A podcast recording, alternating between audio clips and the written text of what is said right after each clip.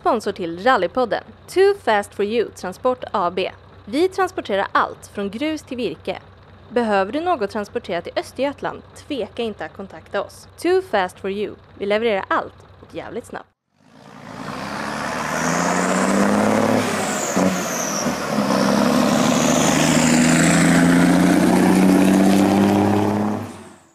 Rallypodden presenteras i samarbete med Top Cat Fishing Guide Fiskeguiden för dig som gillar motorsport helt enkelt.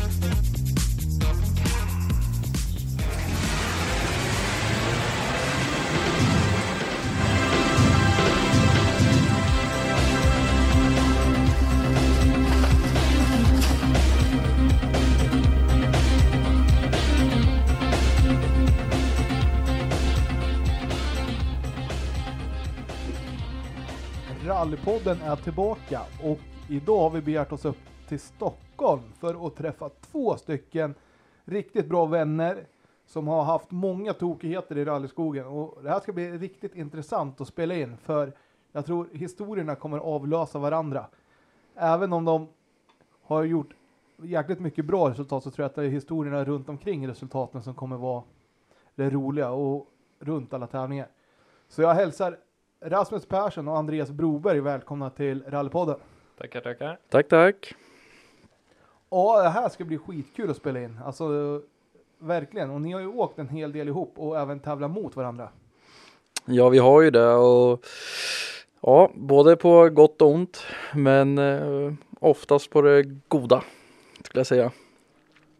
Ja, det är lysande. Och vad säger du Andreas? Hur har det varit att haft Rasmus som konkurrent och som kartläsare och kompis? Ja, nej, men det har varit roligt. Vi har mycket tokigheter. Alltså det Att vi inte har dött än, det är ett under. Ja, vi kommer få höra. Ja, vi satt där och torrsnackade lite innan och det finns en massa historier som kommer komma upp här. Men Andreas, om vi börjar med dig. Hur kom du in i, i rallysporten? Eh, Det började väl när jag var ganska ung, för pappa hade en kompis som eh, åkte rally och då fick jag följa med någon tävling när han eh, körde service. Det var på den här tiden när man åkte runt och servade ute längs vägen med en gammal skeva van och sådär. Så det, det var riktigt kul. Och sen började pappa köra själv. Eh, ingen längre karriär. Han började väl 2008 tror jag. Jag åkte lite små tävlingar och sen så sålde de bilen. Och sen 2010 så började jag köra ungdomsrally själv då, när jag var 16. Ja, hur var det? där? Hade du åkt med någonting innan du började åka ungdomsrally eller någonting? jag hade inte åkt någonting. Vi tog licens, jag och min kompis, när vi var 13, men det vart aldrig att vi åkte någonting. Jag fick prova rallybilen på isen någon vända och där var man väl fast. Ja, det kan jag tänka mig. Man, man blir lätt fast i den här sporten. Och om vi går till dig Rasmus, hur, hur kom du in i, i rallysporten? Nej, men det är ju genom mina, mina föräldrar. Eh, farsan har ju åkt rally i många år. Eh, när, vi, när vi kom till, jag och brorsan, och, så la han väl av då ganska ordentligt där. Men eh, vi började åka ut och titta mycket. Eh, jag började filma rally själv och sen så på den vägen är det. Och det är ju alltid kul när man får hänga med föräldrar och sånt ut och så. Och du, när du skulle börja tävla, Mm. hur kom det sig att du började? Pappa hade en god vän, eh, Nils J Fohagen då, som eh, åkte Volvo original Rally Cup på 90-tal och tidigt 2000-tal. Eh, och de vart goda vänner genom att pappa fick hjälpa han i riktbänken och med hans kraschade bilar. Eh, och sen la Nils av där 2002 tror jag. Och alla hans bilar vart stående. Eh, Så att 2009 fick vi ta över två utav hans bilar och eh, plocka ihop dem till en bil som vi fick utnyttja då och åka med. Ja, det är ju alltid gentilt att få, få det erbjudandet, alltså slippa köpa sin första rallybil eller i alla fall få möjligheten till att få två, bygga ihop ett som blir bra. Ja men precis. Det var ju alltså, jag hade nog aldrig kunnat riktigt börja köra rally om inte vi hade fått den möjligheten då. Så att eh, det var ju, det var hans sponsring till oss så att vi fick låna grejerna och, och åka med det och hålla det i skick liksom. Ja, vad snällt. Alltså det, det är ju riktigt. Jag, tror fler, fler sånt skulle behövas i, i rally-Sverige överlag för att, för att få den här igångsättningen. Jag säger, du behöver inte vara i ungdomsrally, bara som sig också. Och få möjligheten att åka en billig bil. Mm, absolut, verkligen. Nej men det, det, det var en bra morot. Eh, han sa ju det, sköter du bara skola och allt sånt där så, så är jag med dig på det här liksom och, och du inte håller på med massa annat skit som det är lätt att man faller in på i, i dagens samhälle. Så att eh, nej, det var en bra sporre för mig och, och det här intresset som jag liksom brann för sen barnsben. Så att yes. Ja, Andreas, när du skulle väl börja åka då, hur, hur var dina tankar och skulle pappa åka med då eller hade du någon annan som skulle åka med? Nej, det började med att eh, ja, det var väl farsan som drog lite i att vi skulle åka tror jag. Eh, och vi kom överens om att vi skulle dela på att köpa första bilen. Så eh, som 16-åring så jobbade jag ihop 20 000 och så eh, la han 20 000 och sen köpte vi en 240 Vok. Började åka. Eh, det gick av vägen första tävlingen. Men eh, det var ju vintertävling och vi startade sist och så efterbilen drog upp oss så vi fick åka hela tävlingen i alla fall. Eh, sen åkte vi några tävlingar i den och det ja, gick ju bra. Sen så tyckte vi att ja, men det här var ju roligt så då köpte vi 940 tillsammans istället. Och det är ju tur att han har hjälpt till och velat varit dragande.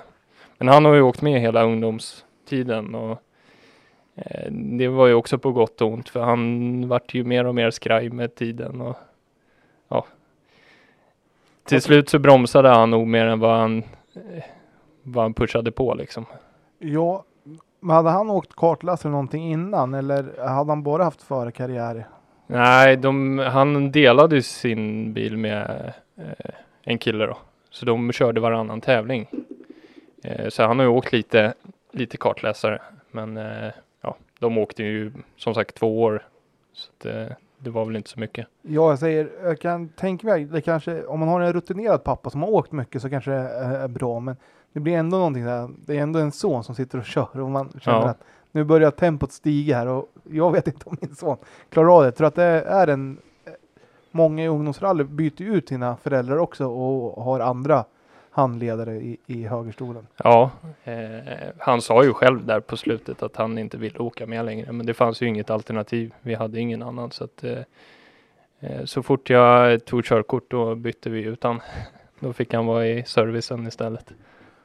Ja, men det var väl ett klokt val och du hittar ju en, är rätt tidigt, en fast kartläsare där också. Eh, Ja. Men om vi tar det här ungdomsåren, är det någon tävling du kommer ihåg specifikt där eller som är ett minne för dig? Eh, ja, det var väl eh, i Nyköping tror jag, gästabudstrofén. Då var vi, jag har för mig att vi var 14 eller 15 startande i ungdomsrally. Eh, Rasmus kraschade rätt ordentligt där och jag vann hela tävlingen. Så det var ett ganska starkt minne. Då var vi på topp. Ja, det året då, då skördade det lite bilar i Nyköping. Ja, det gjorde ju det. Rasmus bil vart riktigt dålig faktiskt. Ja, om vi Det- går över till dig Rasmus. Det, det måste vara en av de hårdare smällarna du har gjort. Ja, det var ju det. Eh, eh, jag hade ju, det var ju 2011 den smällen var då. Eh, om man går tillbaka lite i tiden så satte jag också igång 2010 och började åka. Eh, och jag hann ju faktiskt göra en smäll. Jag åkte tre tävlingar den 2010 och jag hann göra en bra resa där med. Min, eh, min andra tävling eh, på min 17-årsdag. Så eh, vi hade ju åkt Motala några, några helger innan eh, första tävlingen. Och eh, det gick ju rätt så bra där. Eh, vi var trea i klassen eller sådär. Så då brände vi bort till Gnesta. Och man hade ju ett självförtroende som, ja. Så att eh, Steve och jag som min kartläsare då sa att vi tar i från början. Vi hade Emil Bergqvist emot oss och eh, Vallon vet jag hade också åkt på rätt bra. Så att vi eh, kom två kurvor och sen gjorde vi av med första bilen. Vi planterade den bra ute i bland träna. Eh, så att farsan fick göra ordning den och skarva halva bilen. Eh, och sen gjorde vi en säsong 2011. Och åkte ett par tävlingar där. Och sen så kom ju gästabudstrofén. Och då var det dags igen. Och, men då rullade vi ju i alla fall. I alla fall, ja. Ja, ja nej men eh, vi, vi hade en, en tuff start på den tävlingen kommer jag ihåg. Vi åkte av redan på första sträckan och vart hängande på en, på en stor sten. Så att det, det gick ju ett par minuter där de knuffade på oss. Eh, och sen kommer jag ihåg inne på servicen så eh, hade jag slitit den växelspaksknoppen. Eh, så att vi höll på att laga på servicen och de drog dit växelspaksknoppen och sen slog de en slägga uppe på knoppen. Så att hela, hela växelspaken hoppade ur i, ner i länkaget. Och då sa farsan, nej nu, nu, nu skiter vi nog i det här, sa han, nu, nu åker vi hem. Men jag, jag var lite arg, irriterad, så jag tog tag i växelspakslänkaget eh, och slet tag. Så då hoppade den, den här kulan tillbaka i, i, i spakstället. Och sen så åkte vi ut mot sista sträckan och då, då var det färdigt sen.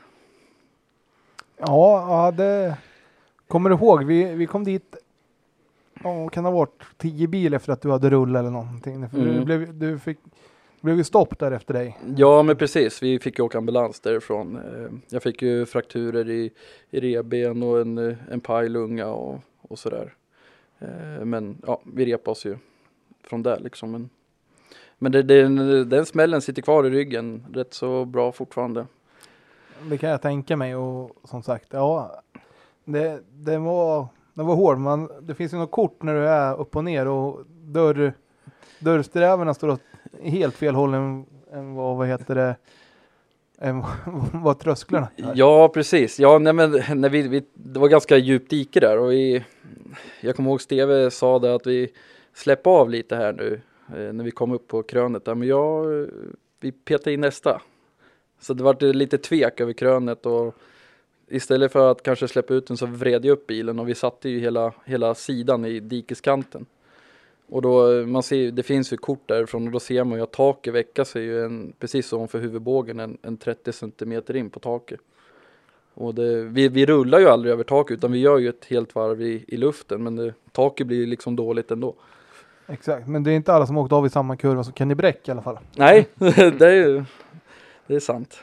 Det, jag var ju inte ensam där. Nej, det var det inte. Det var, Men Kenny hade så bra fart så han flög över diket. ja, han märktes nog inte så att det svängde där tror jag. Så, nej, men Andreas, om vi går över till din karriär. När du skulle börja fortsätta åka, vad, vad var det du letade efter som kartläsare när pappa hoppade av där? Ja, jag hade väl inga krav direkt tror jag. Det var ju bara att hitta någon som ville åka med. Och vi var på en eh, prisutdelning för eh, distriktsmästerskapet. Och då kommer det fram en kille i klubben och erbjuder sig att åka med. Så, eh, så vart det och han åker fortfarande med. Ja, det var ju lite, ni kände inte varandra innan eller? Nej, jag visste ju vem det var, men eh, vi kände inte varandra överhuvudtaget. Eh, Men nu har vi åkt säkert hundratals tävlingar ihop, jag och Tobias. Ja, vem är det som åker med dig? För de som inte vet. Det är Tobias Liss, heter han. Gammal räv. Ja, ja, men kul att komma fram till en ung, ung chaufför så där och säga att ja, men om du vill ha en kartläsare så kan jag åka med dig. Ja, Hur, hur reagerar du då? nej men det var ju inget att fundera på ens. Det var, eh, vi provade och eh, ja, det var ju lite svårt att komma in i det här med noter för det var ju samtidigt som jag började åka med noter då. Så första året var väl inget vidare bra år men eh, andra året så gick det ju hur bra som helst. Och nu har vi ju sånt samarbete så vi förstår varandra. Och Jag har ju full koll på när han är borta och han har ju full koll på när jag inte är riktigt med. i- Så att det, är- ja, men det är ju samarbetet som är viktigt. Liksom. Ja, men om vi tar det första säsongen när du skulle börja åka på noter. Alltså, det är ju alltid något nytt. Och vad var det som du tyckte var svårt med att, att börja förstå noter? Det svåra var väl att eh, man ska ju lita mer på vad han säger än vad man ser. Och när man har åkt två år på vad man ser och det har gått ganska bra så är det ju ganska svårt om man inte är överens med vad som sägs i lurarna liksom. Eh, men ja, det, man kommer in i det med tiden. Det tog en säsong. Men åkte ni mycket tävlingar under, under första året där för att få mycket notträning eller? Ja, men vi åkte nog säkert en 10-15 tävlingar tror jag. Är det något en tävling du kommer ihåg att det- det börjar släppa lite grann? Att, det- ja men nu tror jag att jag kan känna mig lite tryggare i att, att han läser det och att jag vågar lyssna. Att det var någon tröskel att komma över där eller något. Nej, eh, inte sådär. Det var, det var nog att det släppte där efter att vi hade åkt ett år. Och det var alltså, du började åka Sevok 2012 eller hur? Ja, det stämmer. Och när, ja, vad åkte ni? Åkte ni någon specifik serie eller åkte ni bara tävlingar runt omkring Stockholm och så? Eh, då åkte vi nog eh, DM tror jag. Stockholms DM. Eh, senare vart det ju Sverigeserien 2013 och 14 tror jag. Eh, och sen åkte vi Svenska rallycupen. Eh, som vi även kallade för Svenska regncupen för det året som vi åkte där så var det regn varenda tävling kändes det som. Ja, det kan jag känna igen. Alltså, det, det var ett par år där Svenska rallycupen verkligen regnade varenda tävling kändes det som. Men om vi går tillbaka där när du skulle åka Sverigeserien 2013. Mm. Eh, när kände du att det här med noterna, du kände att noterna hade börjat sitta och sådär. Och hur har du trivts på vintern? Alltså det är ju ändå, har du åkt mycket vinter? Ja, nej, men det har nog varit en styrka tror jag som jag har. Eh, jag är ganska allsidig. Jag är inte extremt snabb på något underlag, men jag är ganska snabb på alla skulle jag säga. Så att mm, jag har nog mycket fördel både när det är halt och när det är mörkt och sådär. För eh, det gör inte någon större skillnad på mig. Ja men det, det är ju faktiskt en stor fördel med att inte ha något specifikt som är, man är favoriserad på eller känner att det här passar mig och sen när man kommer till något annat eller när det börjar regna att känna att nu är jag otrygg i bilen. Det, det Nej, måste precis. vara en hemsk känsla. Nej, men jag, jag är inte så brydd så med vad det är för underlag och väder. Men eh, 2013 då var du fortfarande C-förare, eller hur? Ja, det var vi. Och jag säger alltid bland C-förare i VOK så är det alltid hård konkurrens. Var det några så här som åker fort nu med som åkte C? Kommer du ihåg det? Eh, ja, eh, nu kommer jag inte ihåg i huvudet vilka just som åkte C då, men jag har för mig att Eddie Lundqvist bland annat och eh, ja, vi var ju många som åkte där i Sverige sen. Vilka klasser alla åkte i kommer jag inte riktigt ihåg. Nej men alltså året gick ju strålande för dig. Alltså du, slut, du vann ju C- C-förarcupen i, i, i Sverigeserien i alla fall. Ja, det gjorde vi.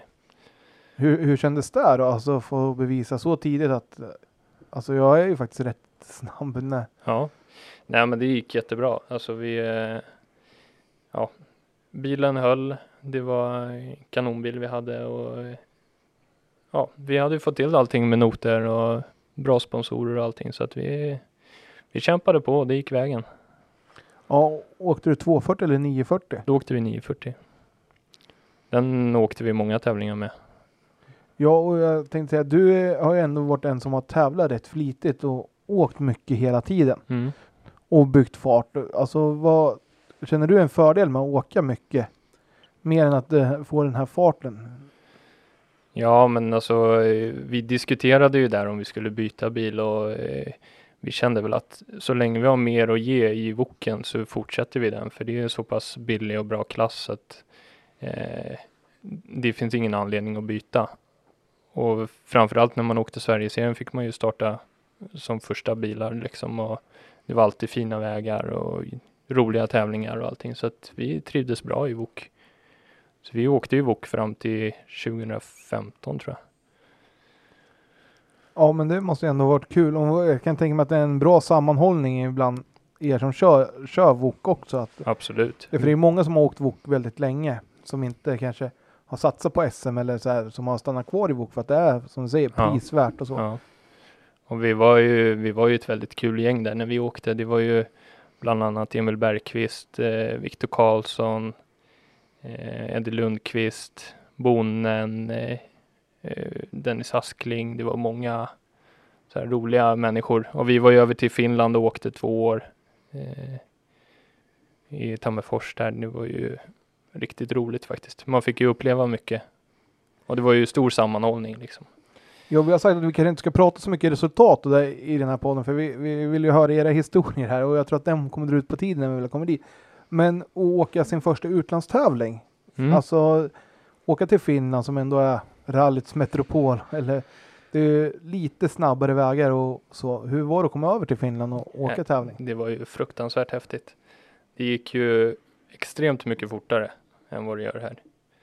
Eh, Men sen var det ju, vårat stora problem var ju språket. Men som tur var så hade vi ju det här VOK-gänget som åkte ihop och alla hjälpte ju varandra liksom och försökte förstå eh, vad som gällde och hur vi skulle göra och gå tillväga med allting. Men, eh, nej, det var fruktansvärt häftigt faktiskt.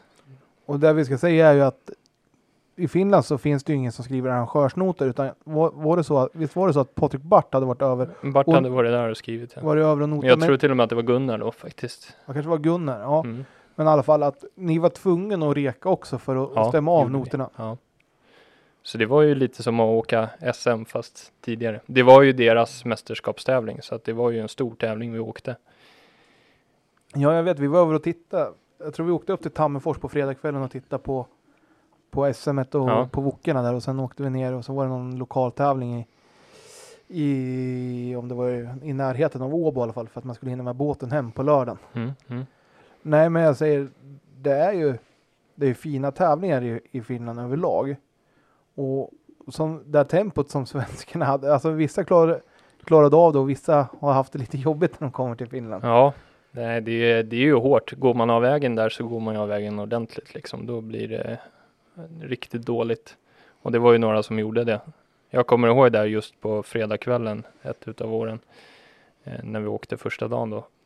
Då eh, var det mörkt ute och det hade regnat och det låg bilar överallt. Och så kommer vi till ett ställe där det ligger en Citroën C2. Den var helt rund hela bilen. Det fanns inte liksom en kant kvar på bilen. De hade rullat många varv kan man säga. Ja, de, de är ju rätt runda från början. Ja. Så, Ja, den såg ut som en liten boll bara som låg ute på åkern. ja, nej.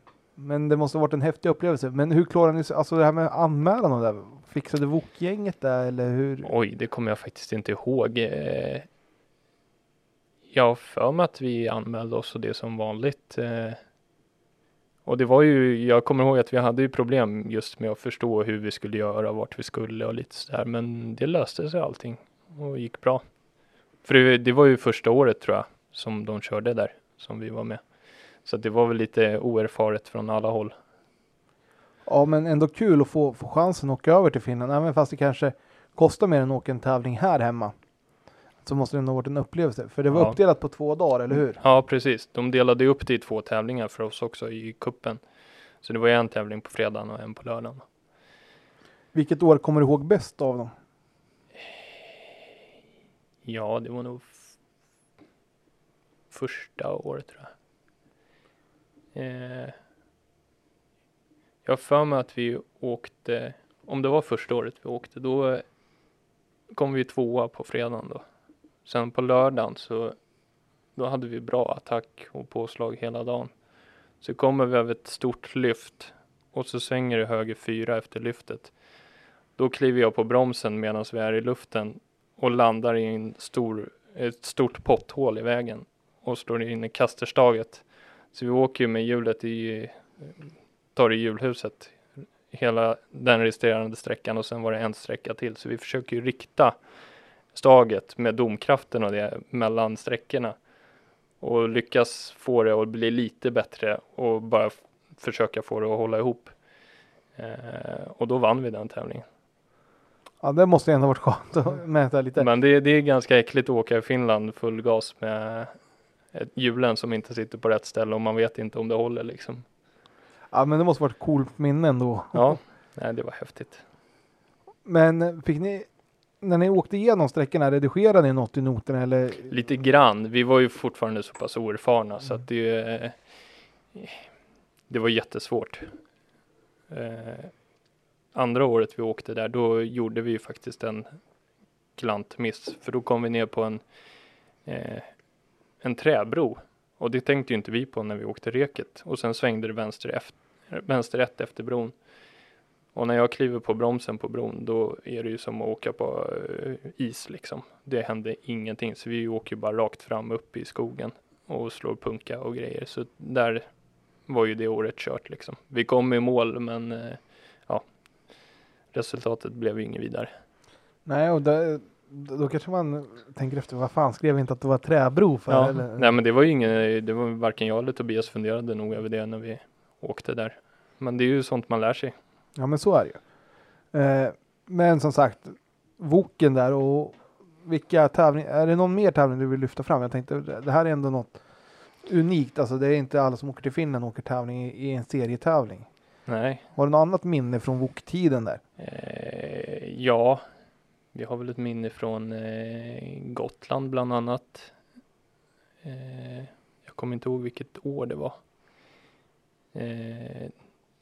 Det var nog också när vi var B-förare kanske. Och då sa jag till Tobias att nu eh, håller vi, antingen så blir det skrot eller så ska vi vinna. Och vi vann. Och du, ni har väl åkt Gotland, alltså det ingår ju i Stockholms DM rätt Ja. ofta. Ja. Så hade du åkt Gotland innan? Ja, det hade vi gjort. Vi åkte ju redan där som eh, ungdom.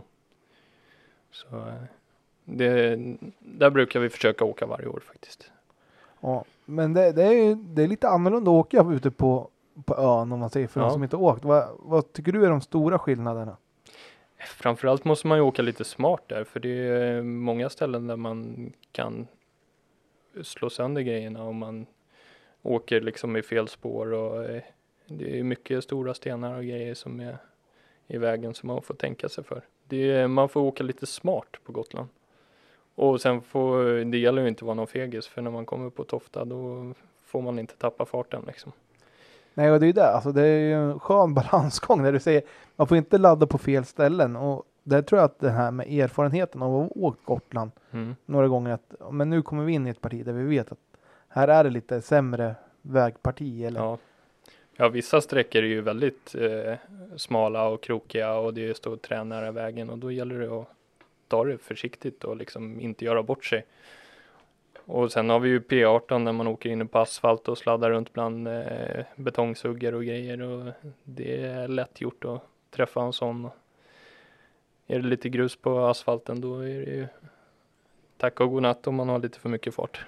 Ja, men så är det. Det är många som har fått känt på de där lekablock eller Jag, jag kommer ihåg ett år när Viktor Karlsson tog en betongsugga i målsvängen. Han slog in hela bakskärmen och vände runt över mål. Så han backade in tror jag till slut målet. Ja, det har jag sett film på. Och det måste vara skönt att avsluta med en helt krokig bakände Ja, när man ska åka hem sen. Men som sagt, vad, vad var planen då när du hade, du hade ändå vunnit C-förare VOK-cupen om man säger. Och åkte ett år till efter det i BA. mm, gjorde vi nog. Ja. Men vad kände du att, eh, vad var det som gjorde att du ville gå över till en trimmad bil? Eh, ja, nej men vi hade ju åkt många år. Vi hade ju åkt fem år i eh, Volvo original. Eh, och det slutade ju med att vi, eh, vi smällde ju den 940 som vi hade i Nyköping. Vi frontade ett träd.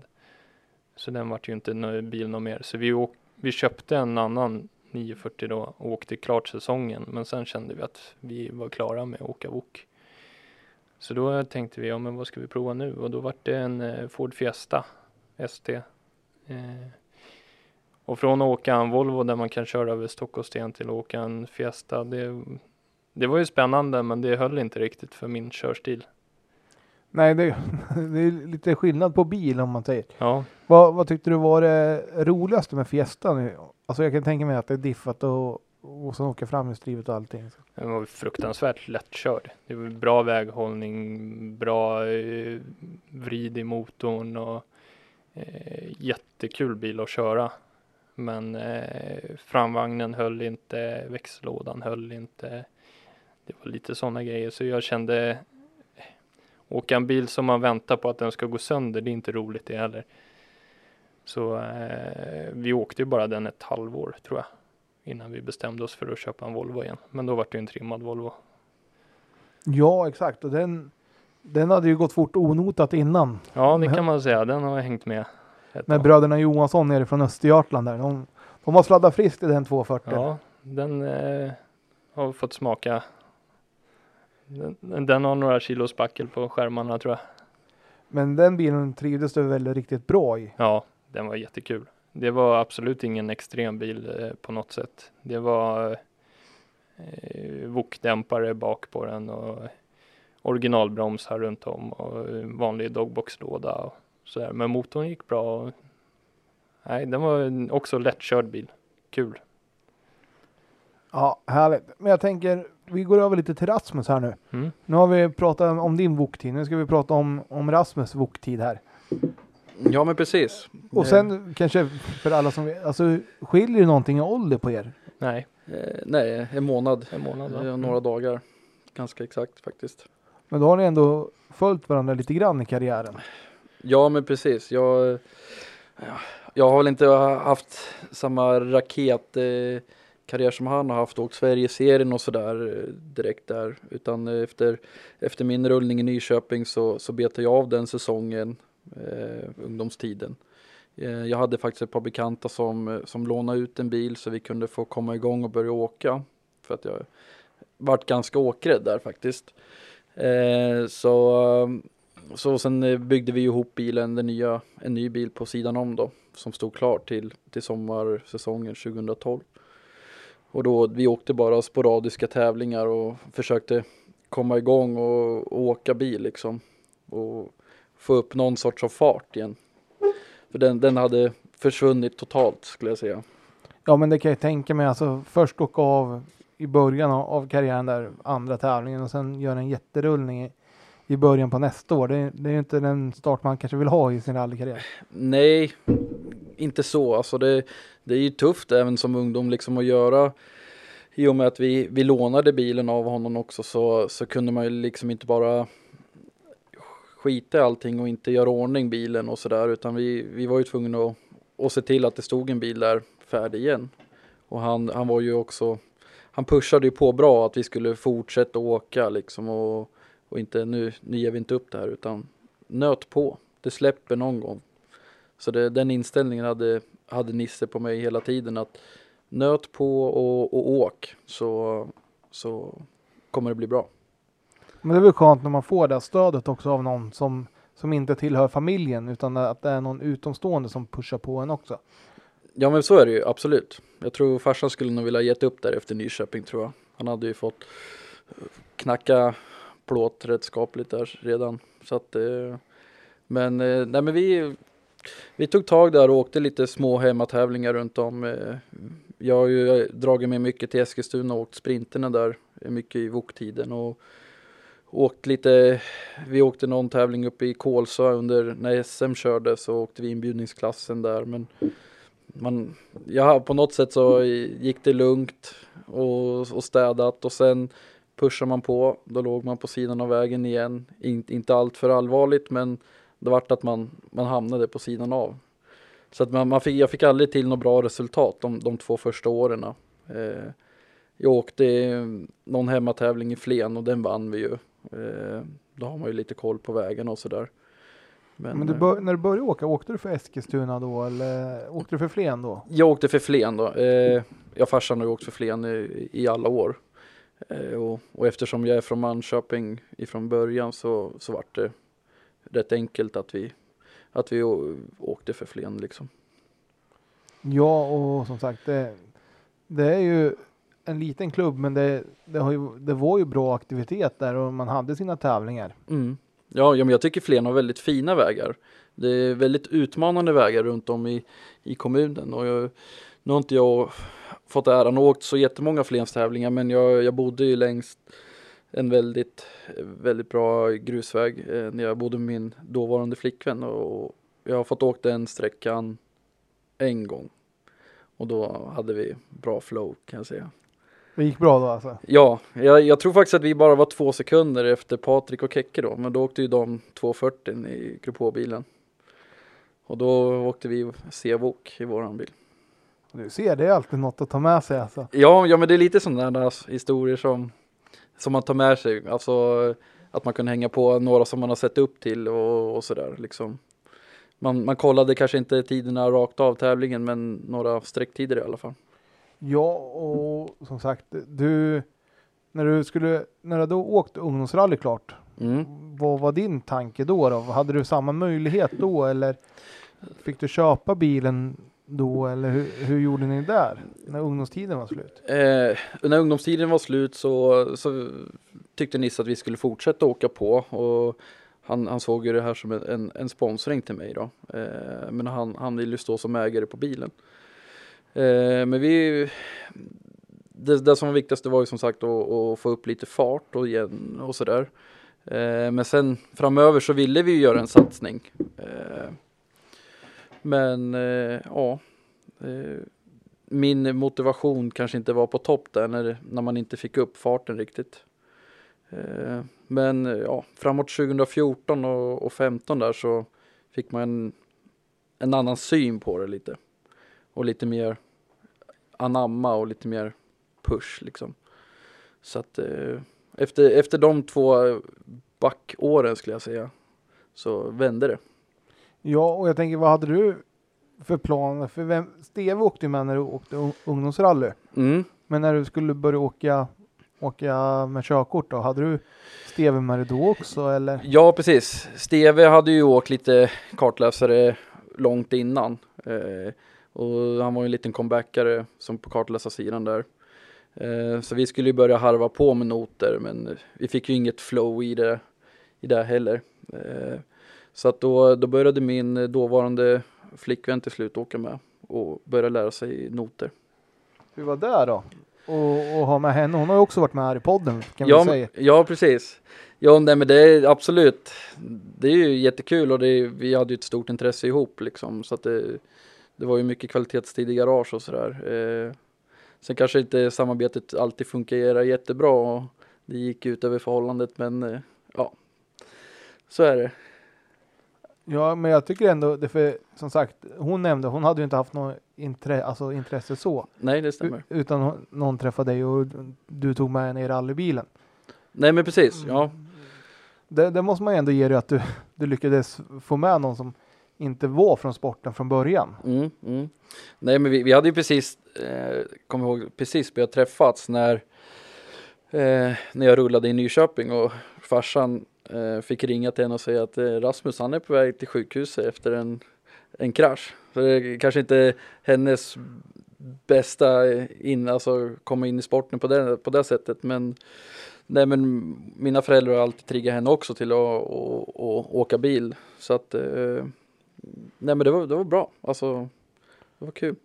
Ja, ett minne jag har från när, när ni åkte ihop var Slottsprinten ett år. Mm. Det var 2013 Ja, och det var Nej 14 eller var det 13?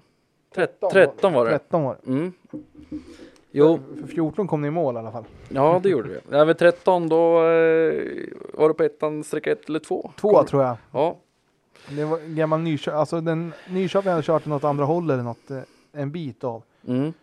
Och sen kom, kom ni, jag tror Den Nyköping, heter Mörtboll den sträckan Ja. va? Mm. exakt, den går ju nästan i mål bortåt Eriksberg där åt det här hållet. Ja, precis. Mm. När vi eh, kom där på, det är ganska smalt och lite, ja men lite igenväxt parti där skulle jag säga. Och vi var en vänster-höger kombination. Och vi var inte ens i närheten på, Du, du hade ju bäst fart in i vänstern i alla fall, Ja. men sen att du var en höger efteråt. Ja den hade vi inte riktigt koll på om Nej. jag ska vara ärlig. Så att vi, vi hade väldigt bra fart in i vänstern och sen gick det ju bara rakt ut i högern. Ja. Så att, eh, och då var det ju färdigt. ja, du slog ju typ bort framhjulet. Mm. Så, men det, det kommer jag ihåg att det var, det var bra fart in i alla fall. Ja. Ja, det var nog en eh, Broberg som körde service då.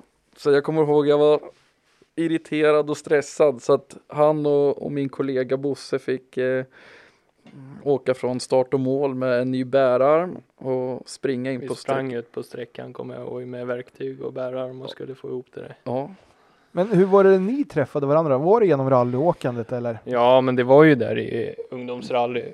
Eh, det var ju bra gemenskap där också, att man Mm. umgicks och pratade med varandra. Och, eh, ett av mina första minnen med Rasmus, det är när vi åker en vintertävling mot varandra. eh, och sen så, eh, han startar före mig och så kommer vi ikapp honom på en sträcka och kör om honom. Eh, och så kommer vi in till servicen efteråt så frågar Rasmus, vad, vad är problemet? Har du något fel på bilen? Nej, svarar han bara. Ja. Vad tänkte du då, den här dryga stockholmaren som... Han hade ju råd med nya däck. Jag fick ju åka gamla Lappi från 90-talet så att det, det, jag skyllde på det. Du skyllde på det? Ja. Var det så då? Ja men det var faktiskt så, det, det är sant. Och jag kommer ihåg eh, när, när jag släppte förbi, förbi Broberg så sa jag till farsan, fan det här är inte kul pappa, att åka så här. Ska det verkligen vara så här halt att åka? Han bara, nej det är inte, det är inte riktigt dig det är fel på kanske. Du åker rätt skapligt gamla däck. Så att, eh, Där vart vi kompisar. där vart vi kompisar. Vad var den första kommentaren? Där? Fan den där killen, han är rätt schysst. ja, ja, det är en bra polare. Nej men sen eh, det, första gången vi faktiskt riktigt hängde ihop så det var ju Slottsprinten 2013. Ja, du, jag när du, er, ja, Mm. du erbjöd dig att åka service till oss. Eh, och sen efter där mer tät kontakt och ja, 2015 var väl då vi umgicks nästan till eh, varje helg skulle jag säga. Och det var då vi började åka tillsammans också. Ja, precis. Ja, du, för du började åka med Rasmus då, eller hur? Ja, nej men han eh, behövde ju lite coaching kan man väl säga. Han eh, hade ju lite trögt där ett tag efter avåkningarna och det så att eh, jag, jag är absolut ingen bra kartläsare. Jag började ju läsa noter åt Rasmus. Eh, men jag vet ju hur fort en sån bil kan gå och det var väl lite det som jag kunde hjälpa till med. Jag kunde pusha på när det behövdes och ta ner honom på jorden när det gick för fort. Men hade du åkt kartläsare innan du åkte med Rasmus eller? Nej, det hade jag ju inte gjort. Någon tävling kanske, men inte med noter. Ja, du och jag åkte ju en tävling ihop 2014 ju. Ja, det gjorde jag. Eh, Nyköping. Onotat. Och den slutade vi på pallplats faktiskt. Ja. Men Även den åkte vi av. Och den första tävlingen vi åkte med noter var Lima 2015 va? Mm, det stämmer. Då, eh, ja du kan ju dra den historien.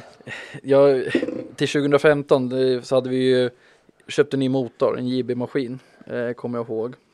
Och vi var ju ute och testade den där och vi eh, någon helg innan och det kom ut lite filmer på när jag var ute och for i vall och tvåhjulade och hade mig.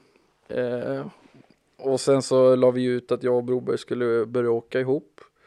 Och vi var anmälda till Lima. Eh, och mycket riktigt så åkte vi upp till Lima och vi fick en liten kommentar att vi ger er en kilometer på SS1 innan ni står av vägen. Sagt och gjort så åker vi ut på SS1 och vi kommer i alla fall ett par, tre kilometer. Fyra Ja, kanske. Ja. Och sen står vi av vägen.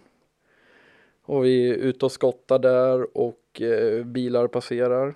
Och vi får upp bilen till slut med hjälp av, av någon. Jag, jag, om det var efteråkaren Ja, det var var det? ja, efteråkaren som drog upp oss. som drog upp. Ja, precis. Vi startade ju nästan sist där. Eh, och så åkte vi till nästa sträcka.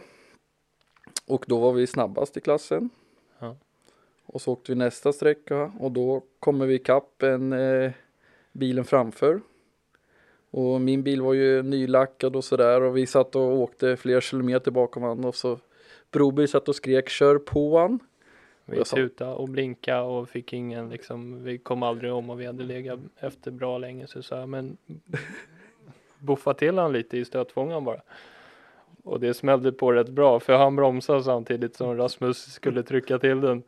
Så att, men, ja, han släppte förbi oss. Och sen så kom vi förbi, så kom vi väl tre svängar till, sen så snurrade vi och så stod vi över hela vägen. Så då fick och de komma ut och hjälpa oss att putta upp bilen igen. Var han nöjd då? Han hade kört på? Ja, han sa ingenting. Nej. Men eh, det kom ju ett par, tre, fyra bilar efter. Då kom Felicia i, i deras bil. Hon var inte glad. Hon tyckte vi skulle flytta på oss där, men det var, det var inte så lätt. Men vi kom upp därifrån till slut. Ja. Sen eh, åkte vi transport från sista sträckan Ja, och då eh, satt några glada lirare vid sidan av vägen efter transporten då med eh, satt uppe på berget och grillade och hade trevligt och tjoa och simma och vi vinkade så glatt och Rasmus han vinkade och tittade åt sidan och sen så sa det bara floff i vallen. Och då sa jag det att nu skottar jag inget mer. Så vi bet du? av en, en transport eh, avåkning också. Så tre, tre avåkningar på samma tävling. Men det är ju ändå rätt imponerande. Hur, hur förklarar du det på servicen att du hade upp på, på transporten? Ja, vi vart ju inte kvar där, vi kom ju Nej, jag kommer ihåg bi- bilen, bilen började ju, eller alltså det vart ju att jag åkte ganska hög växel och så bilen började ju så här skutta framåt liksom med massa snö på rutan. Där, men vi, vi, vi skrattade mest själva och var lite tysta om det då kanske. Men så här i efterhand är det ju skitkul. Ja. Men då var du inte så nöjd på mig när du frös. När vi hade fått skotta två gånger redan. Jag kommer ihåg, du gick upp och tog ett kort när jag stod och skottade istället för att skotta. Det låter lite som Persson. Ja. Schyssta klubben. Varför skulle han skotta och inte du? Var det han som hade läst fel? Ja, jag vet inte, det, det vart bara så att det, vi var ju tvungna att ha ett minne. Vi kom inte därifrån själva ändå. Nej, det gjorde vi inte. Men vi kom i mål. Ja, det gjorde vi, verkligen. Och eh, därefter så, så pratade vi igenom om, hur, om vi skulle fortsätta åka lite ihop ju. Och de hade ju släppt ut kalendern för, vad heter det, riksmästerskapen då, Mm. tävlingar. Och de flesta skulle ju gå ihop med, med SM-tävlingarna då, i Askersund och Snapphanerallyt och eh, ja, det var väl de som gick ihop med SM då. Ja, men byggde, hade du bytt bil här? Eller någonting? Nej, vi, vi byggde ju om Wokan, eh, nu ska vi se, var det 2013 eller 2014? Men då byggde vi om den till homologerad eh, Grupp F-bil då. Jag tänkte säga det, för du var väl en av de första som byggde en grupp F, F-bil skulle jag vilja Ja, säga på det, på någon, det. ja på det jag tror, alltså ja, ganska exakt, eller alltså så, men eh, ja, den första homologerade med att plocka ur sätena och, och man fick ju sätta i 940 motor och, och sådär. Vad, vad var det som gjorde att du tänkte att du skulle bygga en grupp F av det istället? Nej, dels var väl det att det varit lättare i och med min sponsor som eh, konkurrent till Me- Mekonomen. Eh, så det vart väl lättare för de, de muttrar ju lite eh, när, man, när, när Wok Mekonomen köpte upp eh, kuppen då. Och att man skulle åka Mekonomen Cup ihop eller emot en Volvo sponsrad bil. Så att eh, det var väl dels det och sen ville jag få med lite mer rallyutseende på, på bilen då, när man fick sätta dit ljusersättning och, och så vidare. Men är det inte Wok, inte Wokare rallybil menar du? Jo, det är det absolut, men det är, grupp F det ser lite mer racing ut. Varför passar det dig bättre att bilarna ska se mer ut som rallybilar? Bra fråga. Du har ju lite problem med, med puts. Med puts? Ja, jo men det stämmer. Ja. Ja, Rasmus har alltid dålig puts på grejen, eller? Ja, det är lite för bra puts. Det Mm. finns det en historia om när vi åkte Slottsprinten ett år. Så, eh, Vad vadå? Nu måste vi ju höra. Vad, vad har du gjort nu? Har du putsat för mycket? ja, så kan man se det. ja, men det var väl Det var Slottsprinten 2016. Eh, då hade vi precis gjort ordning bilen efter en krasch 2015 som vi kan gå tillbaka, tillbaka till sen. Men eh, vi åkte ju sträcka ett i Slottsprinten eh, och sen sträcka två var biesträckan tror jag. Eh, och vi låg ju rätt bra till med där med Erik Brodin och Menken tror jag. Och, och så att eh, och mitt på biesträckan där så stod ju Brodin eh, i diket där och då gav vi på lite till. Så kom vi ett par kilometer och då släpper vänster bakhjul mitt i en sväng och vi eh, glider av vägen. Och då sa jag till Broberg, fan glömde de dra hjulen på, inne på servicen eller vad, vad hände?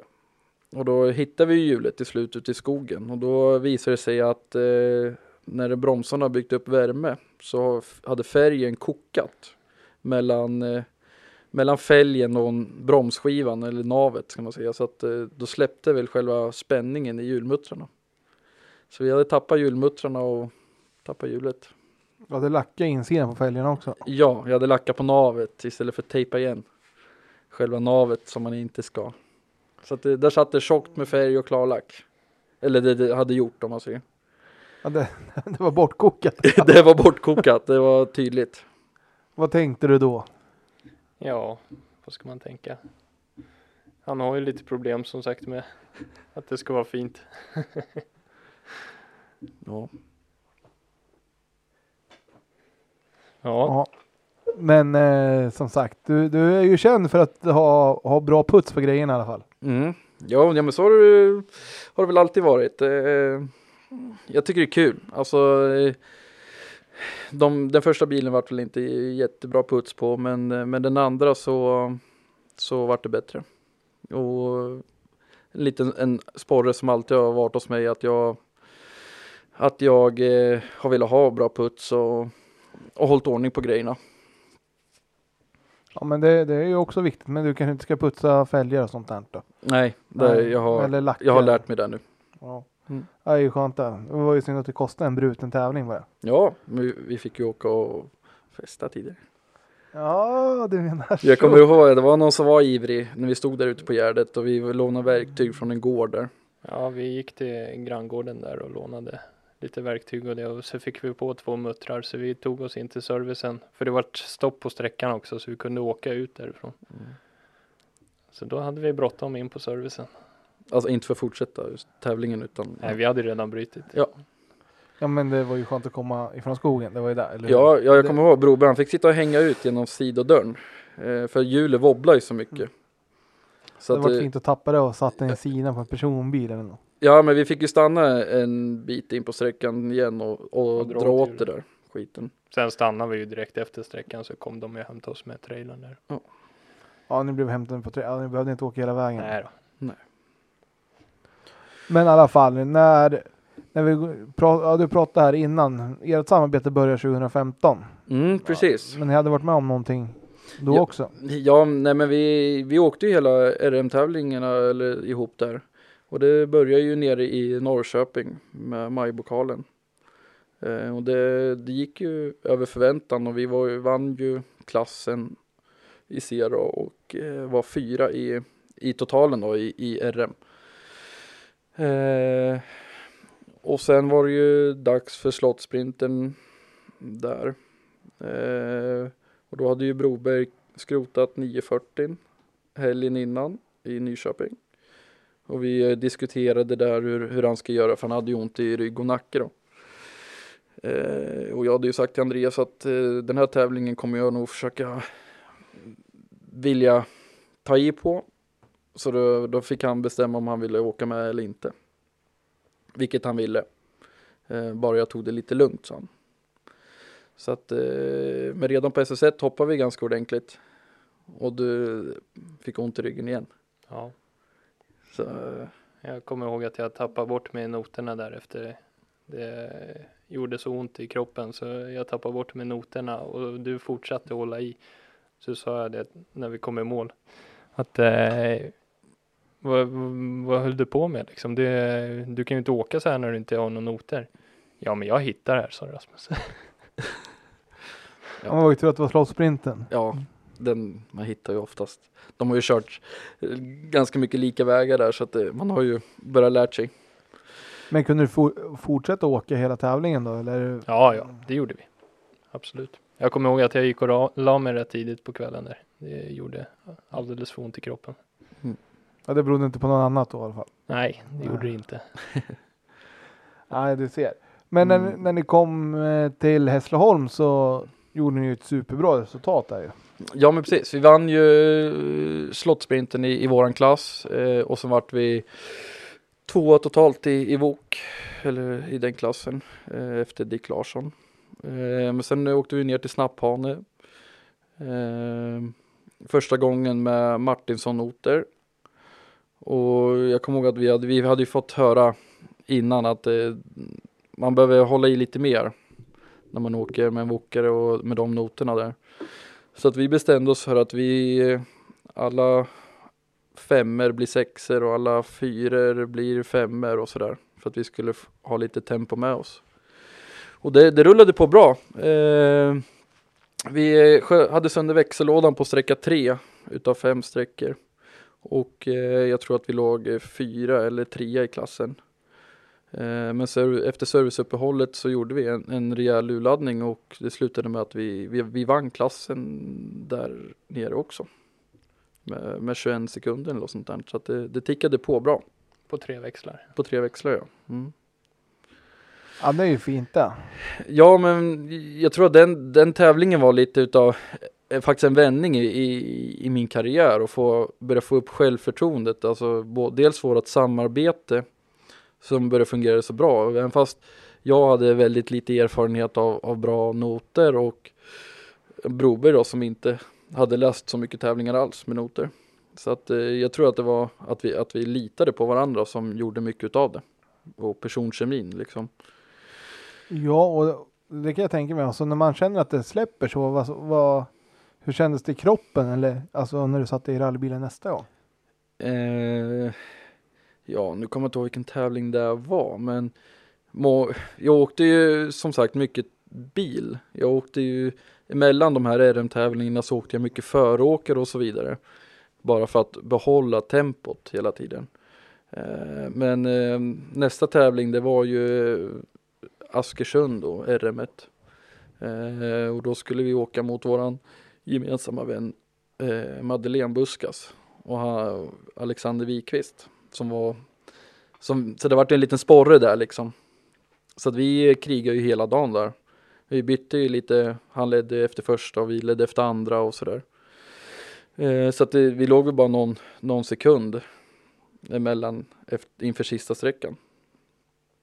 Och eh, jag kommer ihåg att vi, vi triggade varandra ganska bra för vi visste att den var avgörande sträcka för oss båda och, och det var en, en känd ful sträcka. Så att eh, jag kommer ihåg att eh, en bra bit in på sträckan så började Broberg nästan stamma lite. Att eh, nu märkte jag på honom att nu börjar han bli lite obekväm, att det börjar gå för fort. Eh, så vi kommer in på ett parti och där glider vi ner med rumpan mot ett trä. Eller nära ett trä ska jag säga, vi tar aldrig. Och då säger han att nu är du nära, säger han. Eh, och vi åker ett par 300 meter till, bommar eh, ett litet vägbyte. Och så säger han, nu skärper du dig, sa han. Och jag hör på hans ton att nu börjar han bli lite irriterad. Eh, pushar en bit till. Eh, lång, lång, lång raka. Och Andreas repeterar noten säkert fyra gånger. Eh, ett eh, krön och sen är det 30 mått och sen en vänster 2 minus eller något sånt där i vägskäl. Och eh, jag släpper inte av någonting. Så vi bommar ju det där vägbytet så det bara sjöng om det. Fick han höra då eller? Då fick han höra, då var jag riktigt förbannad faktiskt. Ja, det är nog faktiskt enda gången jag har, har hört dig riktigt arg. Ja, Och, och du satt och skrek var och varannan sväng att nu skärper du dig och jag bara ökade på något sätt. Men eh, vi eh, losade segern där. Eh, ett par, tre, fyra sekunder har jag för mig. mm. Fick han höra det efteråt? jag har nog fått höra, ja. Men vad var det för ord där som kom? For förbi vägbytet. Nej, men jag hade ju skällt på han så mycket redan innan och jag förstod ju att det kommer ju aldrig, vi kommer ju aldrig komma i mål om man fortsätter så här. Men han, var det inte så att du klappade till ja, det, jag var bra nära kan jag säga. Jag kommer ihåg att du slog ner noterna i knät och sa du lyssnar ju inte. Och det var när vi, vi nästan på slutet då bommade vi in en, rikt, en vänster-höger kombination och det gick ju.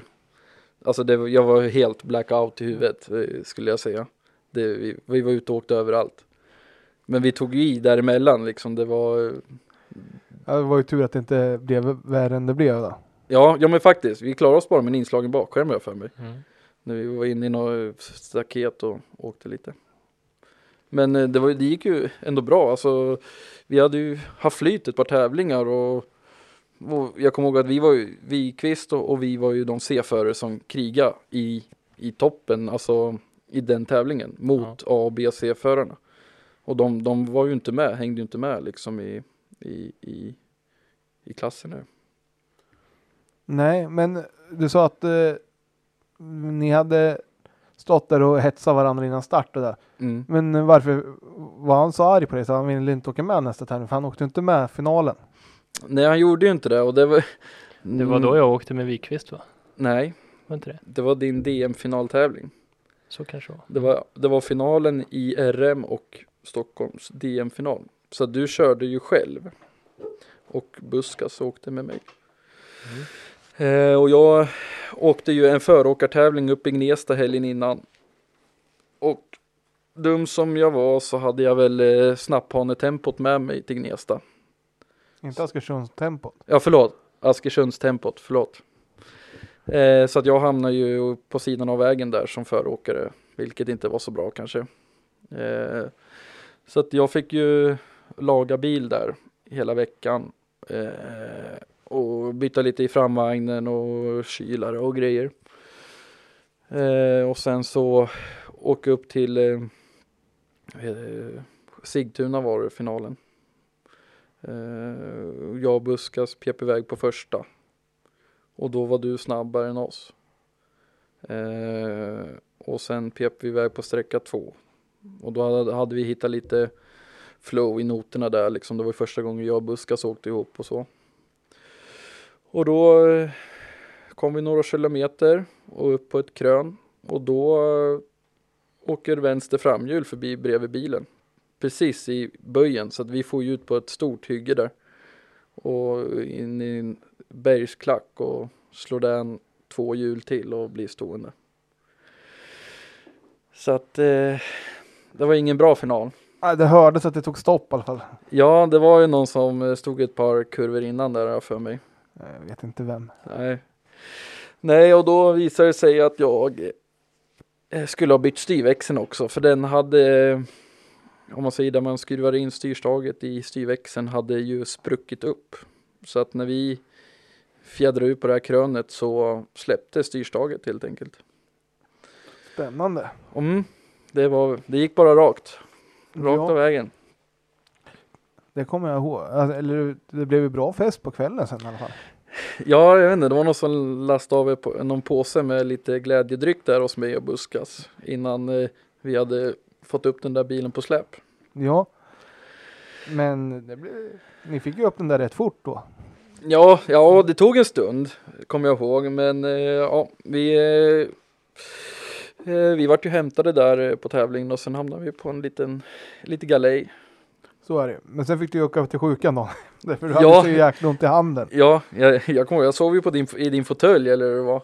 Min, ja, soffa, soffa, eller- Soffan var den. Ja, och sen så skjutsade oss till akuten dagen efter.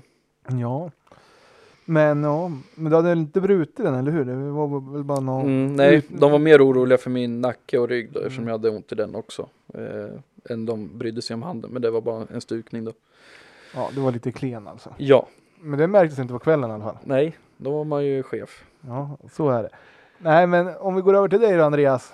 När du väl hade köpt din Grupp H-bil där, Mm. vad var dina planer då? Alltså, var det att åka för att ha kul? Ja, jo men då hade jag väl insett att eh, någon världsmästare kommer man ju inte bli och eh, en eh, 240 som inte är så potent det är ingenting man hänger med i A2 hjulsdrivet heller så att eh, nej, vi bestämde oss för att vi åker för att det är roligt och vad vi har råd med liksom. Och Stockholm har ju alltid haft ett bra DM, det måste vi Mm. säga. För det, det är många som åker, eller många, men de som åker rally runt Stockholm åker ju ofta Stockholms DM. Ja, det har vi försökt göra också.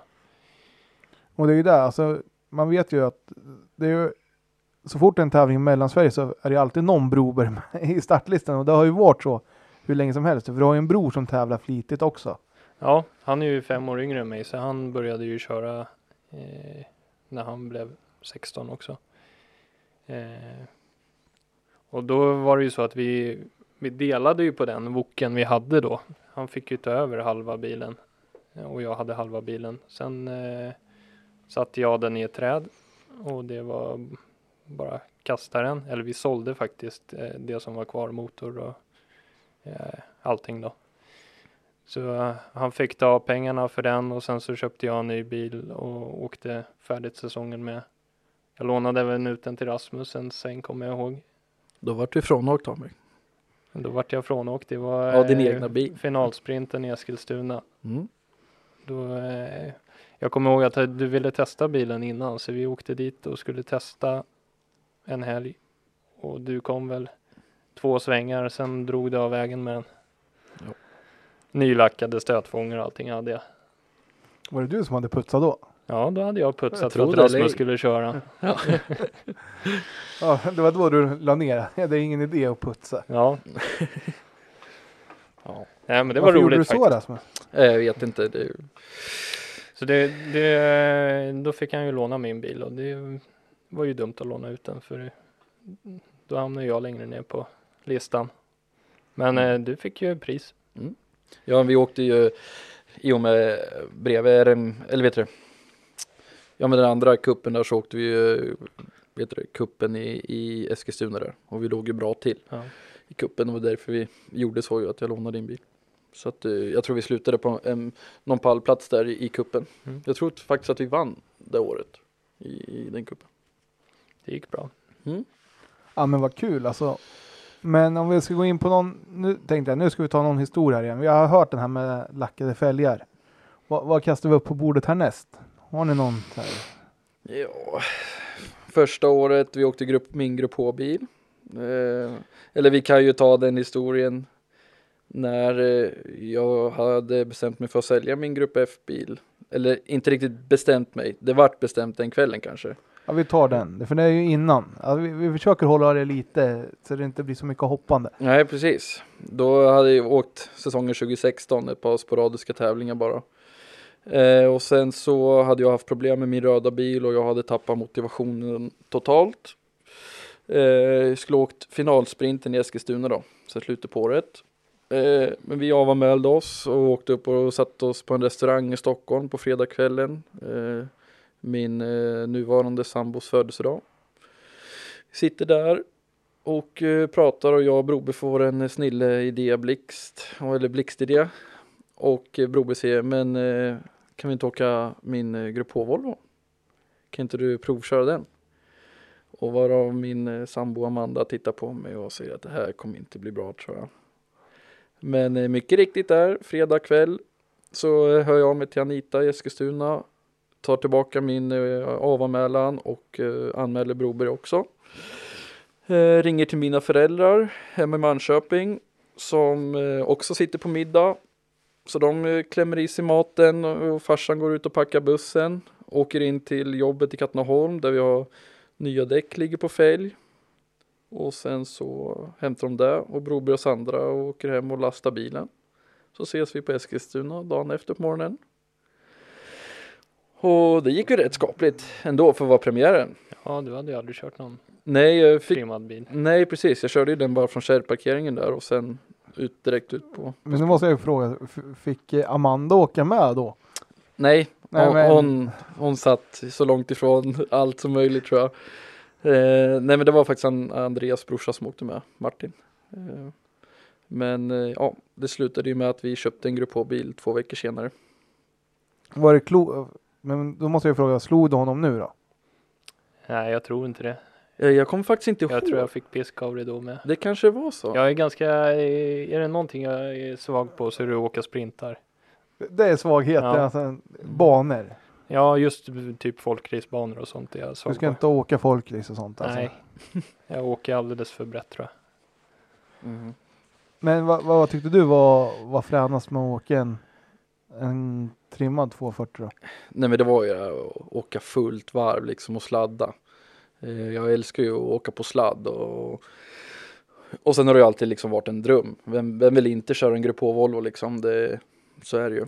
Eh, så att eh, jag hade ju haft ett samtal med, med Anders Malmström då som hade rallyimporten då. Jag hjälpte ju honom en hel del med hans, med hans Grupp H-bil. Och den var ju fin och, och karossen var nybyggd så att vi, jag tjatade lite extra på honom där.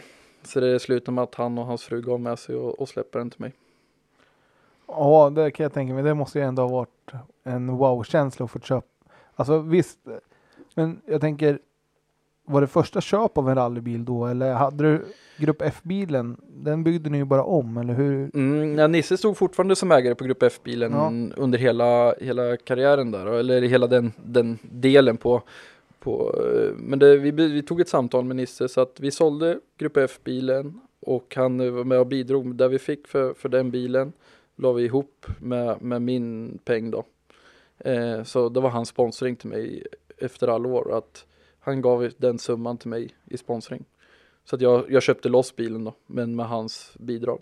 Ja men vad, vad schysst. Alltså, Mm. vi, vi, alltså vilken eldsjäl måste man säga. Verkligen, ja alltså absolut. Han har, ja, han har ju pushat i alla år och alltid ställt upp och eh, under alla VOK-tidsår så jag har ju kört ett par motorras och sådär men han, har- han har ju hjälpt till liksom och ja, vi, jag har en motorstår så det, det är bara att lyfta i den. Så att, eh, och sen med, till slut tog ju hans förråd slut på motorer och då fick vi kosta på en egen motor. Så att, men, men han har alltid hjälpt till liksom. Ja, det, det är kul att höra. Alltså sådana ska man ju faktiskt lyfta. Ja, För de, ja de, de, syns, de syns ju inte så ofta runt själva tävlandet utan de syns, syns i garaget kanske eller de syns, alltså, Mm. syns i plånboken om inte annat. Ja men, ja, men han är verkligen en sån person som, som har synts i plånboken. Eh, Eh, han har nästan aldrig varit ute på någon tävling. Någon enstaka har han varit och tittat liksom. Men eh, han har alltid velat haft bilder på bilen. Han har varit noggrann. Alltså det var ju där lite spåren till mig att han alltid sagt att det ska vara bra ordning och reda på grejerna. Eh, så att eh, när vi har hållit på att uppdatera och byggt, alltid vill ha haft kort. Hur det ser ut och, och vill ha haft litet finger i spelet. Ja men det kan man ju tänka sig ändå när man står som ägare på bilen och, och så så vill man väl. Mm. Ja man, men precis. Man, man vill ju att det ska se bra ut. Mm. Men eh, som sagt om vi återgår då till Andreas fortsatta karriär med, med 240. Ja, den hade vi ju i fem år nästan tror jag. Eh, sen, eh, ja det vart ju aldrig några riktiga resultat med den eftersom Nej, men den vad, inte vad har du för bästa minnen? Vad har du för bästa minnen med den? Alltså, som jag tänker. För du, du, du är ju ändå ihågkommen när du åkte 240. Att det, Ja, eh, det, det var ju finns, friskt- finns ju ett minne när jag åkte i Örebro, rikspokalen där. Eh, I en höger-vänster kombination när vi kommer på bra attack. Då hade jag Mattias Ledin med mig som kartläsare. Eh, för Tobias fick förhindra av någon anledning. Så Mattias Ledin erbjöd sig att hoppa in bara någon dag innan. Eh, och sen så finns det ett filmklipp därifrån då som eh, varit ganska känt kan man säga. Det har varit hundratals delningar och kommentarer. Och, så eh, man kan åstadkomma mycket roligt med en 240. Ja, och ofta så är det ju inte bra resultat som sprids på sociala medier, utan det är ju när det blir något spektakulärt eller när det är någon frän sladd eller någon no, no avåkning eller något. Absolut. Den bilen var ganska rolig på så sätt. Man, jag brydde mig inte om ifall man slog i en bakskärm eller sådär. Det var, jag penselmålade till och med bilen. Så slog man i en bakskärm då slog man ut den med släggan och så drog man på lite nytt med penseln bara. Så det, ja, det det var ganska kul att åka på det sättet när man inte kände att man behövde vara försiktig med grejerna. Men eh, lyckades du vinna DM där något år va? Eh, Eller i alla fall var med och slogs i toppen. Ja, men eh, vi låg ju ganska bra till kommer jag ihåg ett år. Eh, och jag tror att vi slog som första platsen med Niklas Karlsson. Eh, och då bestämde vi oss för att nu, nu laddar vi och det var nere i marknadsnatta. Och vi låg väl någon sekund efter Niklas Karlsson i hans 940. Och eh, jag tog i. Så efter målskyltarna på näst sista sträckan då eh, stack det upp en bergsklack på vänstersidan precis i vägkanten. Så vi slog i där och bakaxeln gick av och delade på sig. Så då var det riktbänk och greja lite. Och ingen vinst. Och ingen vinst, men vi försökte i alla fall. Ja men det är ju det som är huvudsaken. Alltså det, man måste testa. Vi hade mycket ladd den tävlingen kan jag säga. Ja och marknadsnatta det brukar ju ändå vara. Ibland är det hur bra väder som helst och ibland är det katastrof. Så. Men, ja. Men, men sen så, eh, ja det är väl det starkaste minnet tror jag med, med den bilen. Eh, Vi har ju haft mycket roligt med den bilen. Alltså det är mycket upplevelser och sådär. Inga resultat, men vi har haft väldigt kul. Ja, och som sagt, du och Rasmus har ju varvat om och, och vi, går tillbaka till Slottsprinten, ni åkt med varandra Ja, det har vi gjort. varannat år typ så här. Är det något, alltså Slottsprinten är ju ändå ett litet jippo runt hela tävlingen. Är det någonting där du har med dig från 240 att eh, Jag kommer ihåg när vi, eh, vi åkte ju just mot eh, bröderna Johansson då som jag köpte bilen av. Eh, och de, jag har för mig att de ledde med någon sekund över oss Mm. inför sista sträckan. Mm. Och då hade vi stått där på fredagskvällen och kollat när de körde uppvisning och det. Så sa jag det till Rasmus att vi, ska vi ta i någonstans då ska vi ta i målsvängen. Så eh, låg vi efter dem och målet var ju att slå bröderna Johansson. Så sa jag det att nu tar vi dem i målsvängen. Och jag vred ner den i diket i ingången så vi tvåhjular ju in i högerättan där. Och vi tog dem Mm. med någon sekund. Mm. Ja, det var när man svängde höger upp, alltså efter Ja, stora precis. hoppet. Mm. Så ni hade hoppat innan. Ja, Ja. Ja, det måste det, ändå det, var, det var en upplevelse. Då stod ju alla där som var på servicen. Och jag kommer ihåg Amanda har en film därifrån på oss. Ja, det var en upplevelse. Ja, det kan jag tänka mig. Och Mange och de är ju rätt sköna, så det var så de då. Eh, ja, mm, jag kommer faktiskt inte ihåg vad Mange sa. Jag tror inte ens att de pratade med oss då faktiskt. Nej, jag kommer inte ihåg heller. Jag kommer faktiskt inte heller ihåg. Jag vet bara att vi pratade med honom precis innan vi startade den Ja. sträckan. Eh, att, det, att det skilde så lite mellan där så att det, det skulle bli en fight. Det var Ja. roligt. De är, de är fruktansvärt duktiga på att åka onotat så att de ska ha en stor eloge för att de vågar åka så fort. Vi åkte ändå med noter så att Mm. Ja, men Mange han har ju ett vägminne tror jag som få förunnat. Och så mycket tävlingar som han har varit ute och tittat på så sitter det nog kvar rätt bra sådär. Mm. ja, Nej, de är duktiga som sagt. Ja. Eh, men om vi tar, eh, och vad blev det efter 240 då? Alltså varför bytte du bort den? Ja, nej, men jag var väl lite sur där på att eh, Niklas slog mig i DMet. Jag hängde inte på med 240 helt enkelt, så då eh, köpte jag hans 940. Du tog hans bil rakt av sådär. Ja, och han hade ju eh, gjort någon kullerbytta och så med den, så att han hade bytt all plåt på den. Eh, men den var ju särplockad och jag eh, satte ihop bilen och lackade den och gjorde allting färdigt. Eh, så vi har ju åkt med den senaste säsongen då, förra året. Ja, det var första året med 940 eller Ja. Det, för det blev lite corona och sånt där. Ja, det var ju lite sånt emellan och vi byggde ihop bilen där och det tog ju ett år nästan att få den klar. Ja, men det måste ju passa bra för dig med med corona och Ja. allting. Ja, inte men vi, vi kände ingen panik heller att få den färdigt. Eh, vi bytte motor i den också samtidigt. Vi ville uppdatera så vi satte i en eh, 16 ventilare. Eh, Trendab tog fram en ny eh, variant. Ja, du blev lite försökskanin. Ja, eller? jag ble, blev eh, testchaufför på en värsting maskin så att eh, vi fick en bra deal med dem och eh, då bestämde vi oss för att den motorn skulle vi ha. Eh, och då tog brorsan den motorn som var till eh, min bil då egentligen som var värre än den han hade. Så sålde vi brorsans motor. Ja, för han har också köpt, om vi går till honom, han har åkt, ni åker ju exakt likadana bilar, Ja. nästan. orangea 940 båda två. Precis. Det enda som skiljer egentligen är ju motorerna. Han åker en 8 ventiler och jag åker en 16 ventiler. Nej, för jag kommer ihåg när jag stod som radioreporter på Gotland när, när ni skulle göra upp om vem som snabbast i familjen. Ja, det var ju ingen som kom i mål där. jag tänkte säga det. För det var som var man såg när ni kom in och skulle starta, men ingen av er kom, kom till målet sen. Nej, han bröt ju med generatorproblem och jag eh, hade varmgång i min. Så eh, nej, det var lite tråkigt. Det är ju ändå eh, årets höjdpunkt att åka till Gotland. Ja, men det är lite kul alltså. Det, det bör man prova någon gång i, i karriären. Även, även fast det kanske kostar lite mer att åka båt och så, så, Ja, så kanske det är värt det. Men det är ju det är många mil och det är flera dagar. Det blir som en semestertripp. Och, nej, det är ju fruktansvärt roligt. Just med sammanhållning. Det är ju fest på lördagskvällen och man åker båt tillsammans. Så. Ja men så är det ju. Det blir nästan som att åka utomlands fast, det, fast man Ja, ändå är inom absolut. Sverige, Sveriges Absolut. gränser. Det är jätteroligt. Så. Men eh, som sagt, eh, 940, då han, han åker i år med den då. Ja. Med, med nya maskin. Vi åkte i år. Eh, vi bröt där på Gotland. Sen så eh, bestämde jag mig för att jag var inte riktigt nöjd med växellådan som satt i den. Jag tyckte det var lite fel utväxling och så i den. Eh, så då satte jag i en ny sexväxlad eh, växellåda.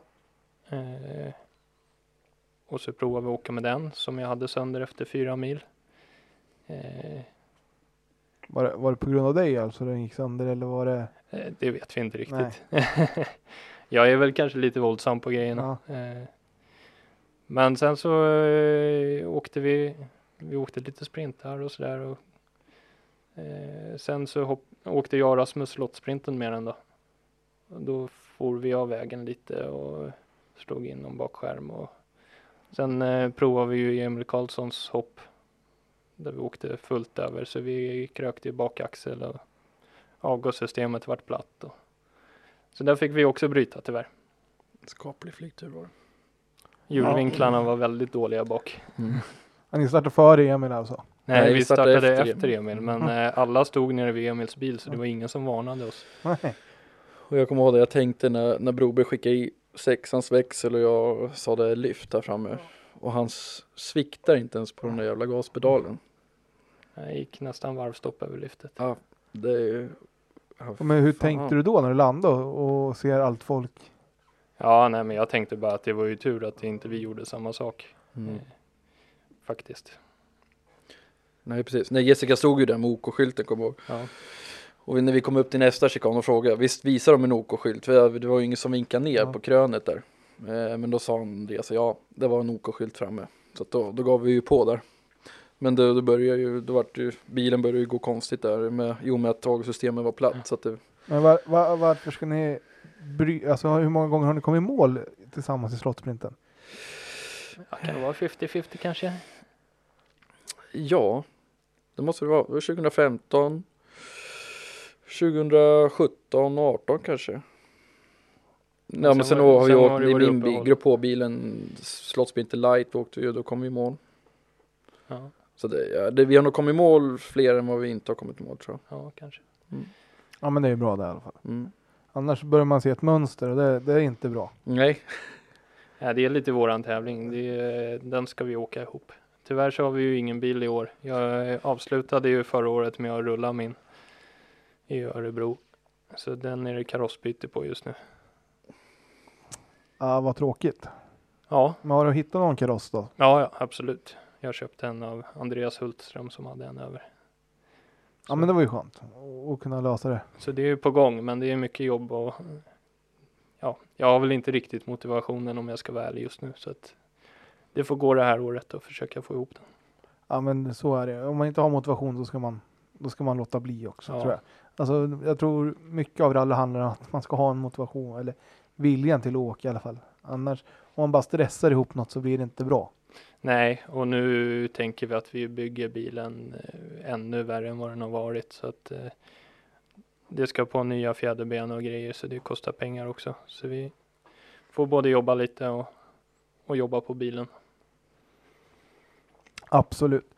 Eh, vad heter det? Om vi går över då. Rasmus, du, du köpte ju också Grupp H-bil där. ja, ja men vi köpte en, en grupp H-bil inför 2017. Eh, som vi åkte lite, eh, heter den Autoexperten Rally Cup då, eller heter den Trendab där åren då. Men jag och eh, Daniel Suvala eh, körde på där i kupperna onotat. Komma in i bilen och, och han ville åka lite där så att eh, vi gasade på där. Eh, fick någon pallplats i, i Trendab rallyt i Taxinge och vi åkte någon, eh, vad heter det, det brukar vara första året tävlingen på där uppe, vad heter den? I, eh, runt Sigtuna också, eller vad är det? Eh, vad heter den tävlingen? Inte ras på sprinten, nej. Eh, Jag kommer inte på vad den heter. inte jag heller. Jag brukar ha, ha hyfsad koll men nu Eh. Morgongåva. Det är ju Sala. Sala, förlåt. Ja, det, är, ja, det är jag och geografi. Nej, men vi åkte Sala, det, kommer, det var första grustävlingen jag åkte med den. Och vi hade ett roligt moment där inne. Det var, vi kom ikapp, bilen framför oss hade rullat. Eh, så att vi kom ikapp honom. Och, och han hade ju inga rutor såklart och det damma inför honom. Så han satt ju bara och puttra. Och jag, då var, vart jag förbannad så jag körde rakt in i honom. Och knuffade honom åt sidan. Då med? Ja, Du, du har inte funderat på att börja med folk? eller? Nej men då, då tvekade jag faktiskt inte ens för det bara small i min bil. Jaha. Alltså i rutor och, och sådär. Så då, då knuffade jag han åt sidan. Eh, och jag kommer ihåg när vi gick i mål på den sträckan och jag sa till Daniel att du, nu har vi varmgång i motorn så jag tror att började jaga vatten för jag tror att vår kylare gick av att, att det sprutade så mycket sten på oss. Och då, då pep eh, Daniel iväg lite i skogen för att eh, det kom en, eh, han som vi körde in i, stannade till. Så jag tänkte att nu kommer det nog bli, bli lite tjafs här. Men eh, han eh, sa att han bad så himla mycket om ursäkt och eh, sa att han hade gjort precis likadant. Ja, det var ju skönt. Det Ja, hade varit när- jobbigt men han hade ju ändå rullat. Han hade Ja, han hade, men hans bakparti hade ju klarat sig ja, i rullningen, men nu vart det ju lite där också. lite där också. Eh, nej, men sen konkade vi på där eh, hela säsongen och det, det flöt på. Vi, vi tog en, en eh, seger i eh, sista tävlingen på året. Eh, åkte i Enköping, en tävling. Så den vann vi. Eh, så vi började komma in där i, i, i den bilen. Eh, men jag hade ju bestämt mig ett par tävlingar innan säsongen var över att jag skulle renovera bilen eh, under säsongen 2018 eh, då vi precis hade fått barn också 2017. Så att jag rev ner hela bilen i molekyler och eh, började om från början egentligen. Eh, Finess byggde ny bakvagn på den och, och sen så lackade vi om bilen och, och började om med att snygga till allt. Ja, och jag tänkte, för det var väl lite tanken att Amanda skulle åka med dig? Ja men precis, Amanda hade ju åkt en hel del med sin eh, bror Andreas då. Hans första rallysäsong han åkte. När de också åkte onotat uh, Autoexperten-cupen. Eller, eh, och sen pratade vi lite om att om hon skulle vi åka lite och latcha bara. Eh, det var där tanken var med Grupp H-bilen. Eh, den var ju inte så jättepotent den heller. Så att vi hade ju liksom ingenstans att komma med den så. Eh, men eh, och, det visade sig att vi skulle få ett barn och Ja, du hade ju skickat henne på notkurs innan för att lura in henne. ja, Och, och då tänkte du så här säkert. Nej, det här, jag kan ju inte ha henne läsa noter. Så då tänkte jag, nu gör jag henne på smällen istället. Ja, ja.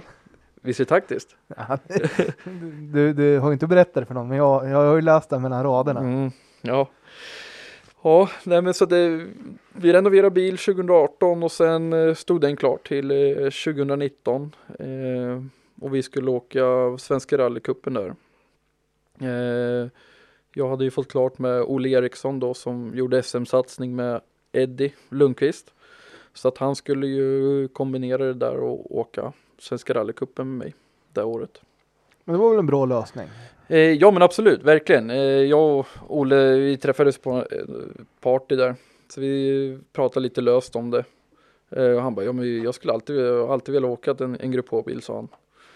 Eh, så då skickade jag till honom några veckor senare och frågade om det var, om det var seriöst det, det han sa. Och det, han var 100% på. Så, att, eh, så då bestämde vi oss för att åka Svenska rallycupen 2019. Eh, så att jag åkte bara något test innan och sen så åkte vi någon sprint i Eskilstuna innan, innan kuppen där. Men jag hade ju två herrar som tyckte att den där bilen behövde en, en, eh, en lite bättre växellåda. Jaha, Så att eh, de sporrade ju det där och försökte eh, få min eh, kära sambo godkänna det också.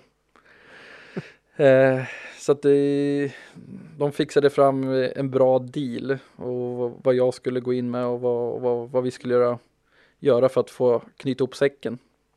Eftersom det var ganska mycket pengar och precis jag hade en budget för att åka hade budgeten klar för att åka Svenska rallycupen och inte köpa en, en växellåda då.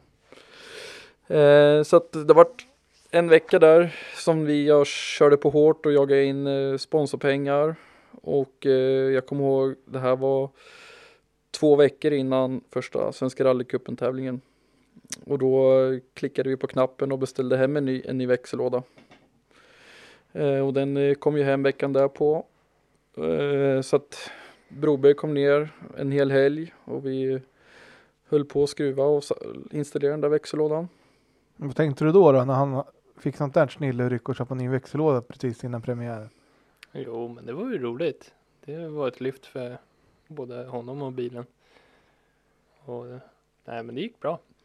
Ja, ja men absolut. Det är ju en, en, en frän sak. Alla vill ju åka med säcklåda liksom så att eh, Så att eh, den var, den var klar där ett, någon dag innan vi skulle åka ner till eh, vilken var första tävlingen då? Kan det ha varit eh,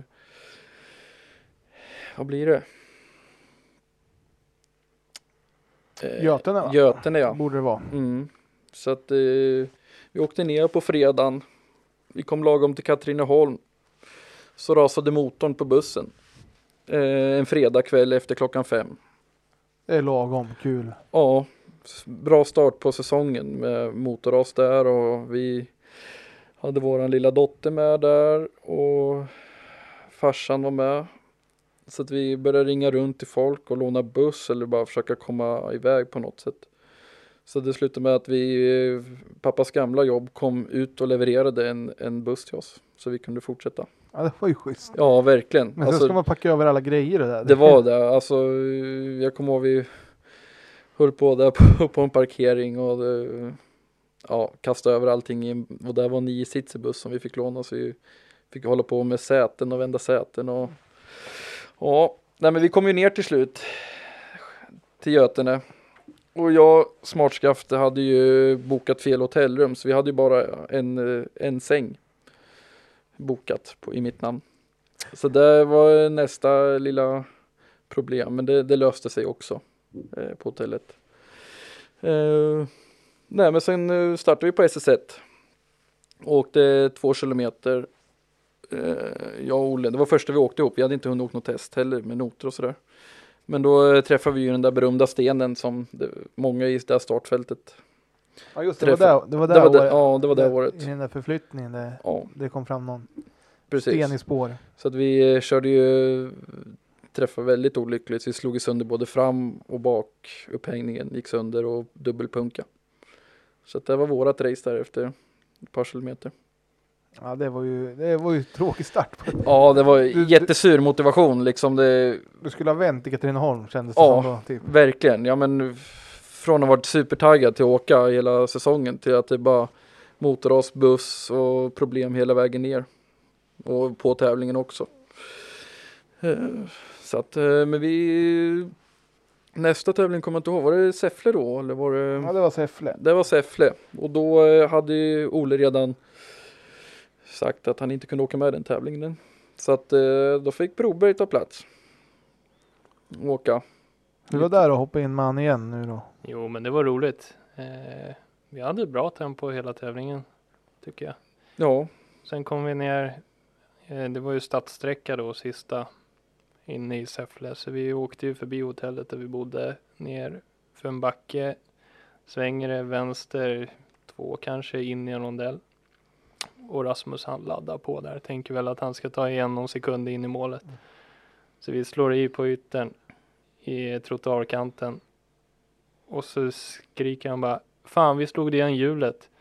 Ja, ja, skit i det sa jag. Så tog vi ett varv i rondellen. på sladd till och med. På sladd. Och så slår han i refugen på vägen ut. Så han drar ju med sig stolpe och hela alltihopa där. Så den var ju rundslagen hela bilen den tävlingen. Hur gick det med den där stolpen då? Fick du ta den på din? Ja, jag, jag frågade ju Broberg vad var det, vad var det vi träffade för något? Eh, Det var någon, någon så här mål, för det var ju precis i målet. Ja. jag, det var ju målskylten eller något trodde han. Eh, jag såg att stötfångaren den låg ju den sliten från min sida och hängde ut på Andreas sida. Jag bara, ja, okej. Och, och Broberg frågade ju han i målet där vad, om, om, det var, om sladden vart snygg frågade han. Jag kommer ihåg, jag tittade på inkaren häromdagen. Såg det bra ut frågade han. Ja. Han. Jag vet inte vad du får för svar där men Men sen på måndagen satt jag på jobbet och käkade frukost. Då ringer det en, eh, ett, ett nummer som är okänt för mig och jag svarar. Och så presenterar sig att de ringer från Säffle MK och, och frågar eh, Vet du varför jag ringer? Eh, nej, så jag, jag, alltså jag har ingen aning. Eh, du eh, tog med dig en lyktstolpe när du åkte ur målet. Så jag hade ju träffat lyk- en lyktstolpe i bakskärmen. Så att, eh, men det, det gick på försäkringen. Gjorde det. Ja men eh, hur, hur, alltså där har jag alltid undrat, hur, hur går det till när du ska ta det på, på det, för det är en lite dyrare sak, alltså ibland så kan du, om du kör ner någon staket så är det ju nästan enklare att skippa och ta det på försäkringen eller? Mm. Nej men det gick ju på bilens själv, självrisk på trafikförsäkringen. Så det var väl ett, par tusen i, i självrisk. Ja, så du ringde och sa att ja men jag har kört ner en, en lyktstolpe eller? Ja, ja man anmälde ju det till, till, till sitt försäkringsbolag. Så Ja. att, mm. Så att inte tredje part blir drabbad. Så det- Nej precis, nej det var ju det, de ville ju ta det på min försäkring och Ja. reparationen. Det kostar väl bra mycket mer där. Ja men så är det ju. Men vi hade ju ett, ett bra moment på den tävlingen. Det är väl vårt värsta moment vi har haft i, i en rallybil ihop skulle jag vilja säga. Ja, absolut. Eh, vi jag tror vi var på sträcka tre där. Och Broberg kanske inte alltid hänger med i noterna vad, vad alla tecken och vad det betyder allting. Så att vi, vi kommer i full makaron på ett parti.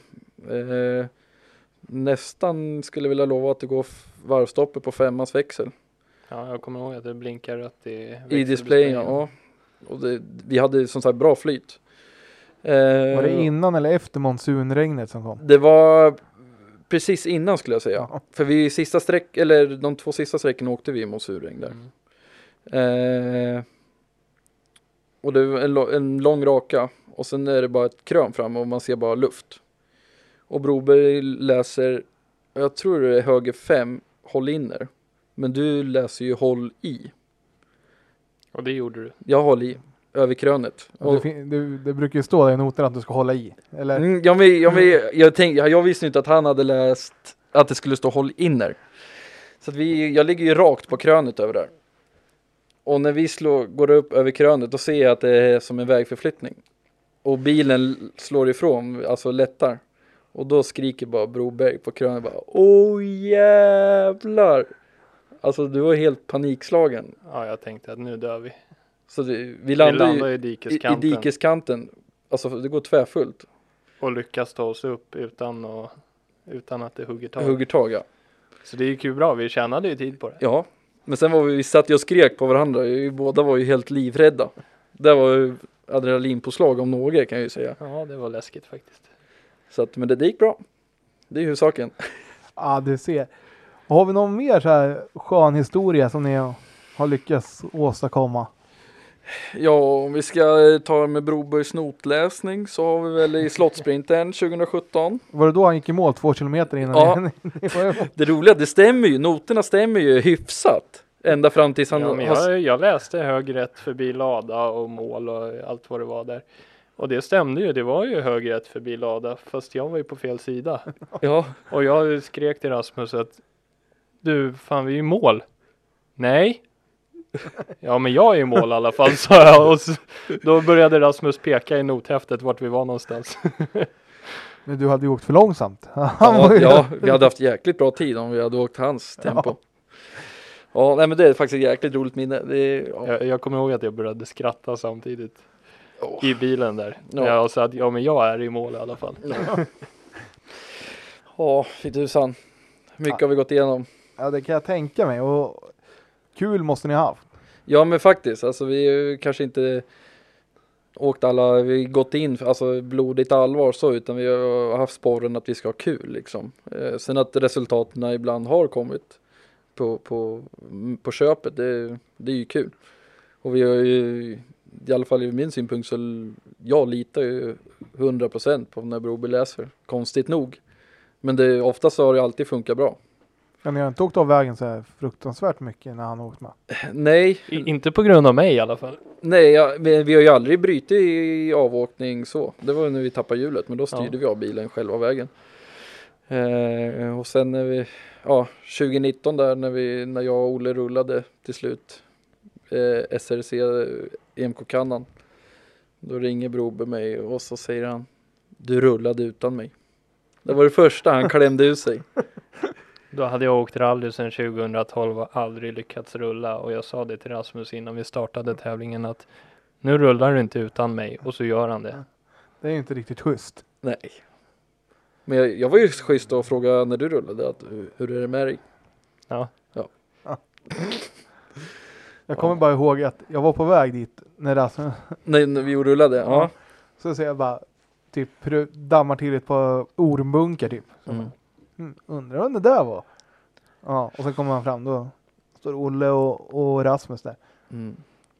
Det var, det var lite otur, alltså det, det kickade ifrån lite väl mycket på Ja, alltså han läste ju sten inner. Det borde ha stått bergsklack inner. Och sen kanske jag inte skulle ha genat en, en halv meter in på innern. Utan det, det det, hade ju ett otur som sagt att det, att det kickar ifrån på innern så vi åker ju bra länge på två hjul. Ja men du, du måste, ja som sagt, du måste ha haft fruktansvärt otur att det kickar upp så, så Mm. fruktansvärt som det Mm. gör. För du Mm. måste nästan ha bottnat innan sen Mm. precis i returen eller något. Mm.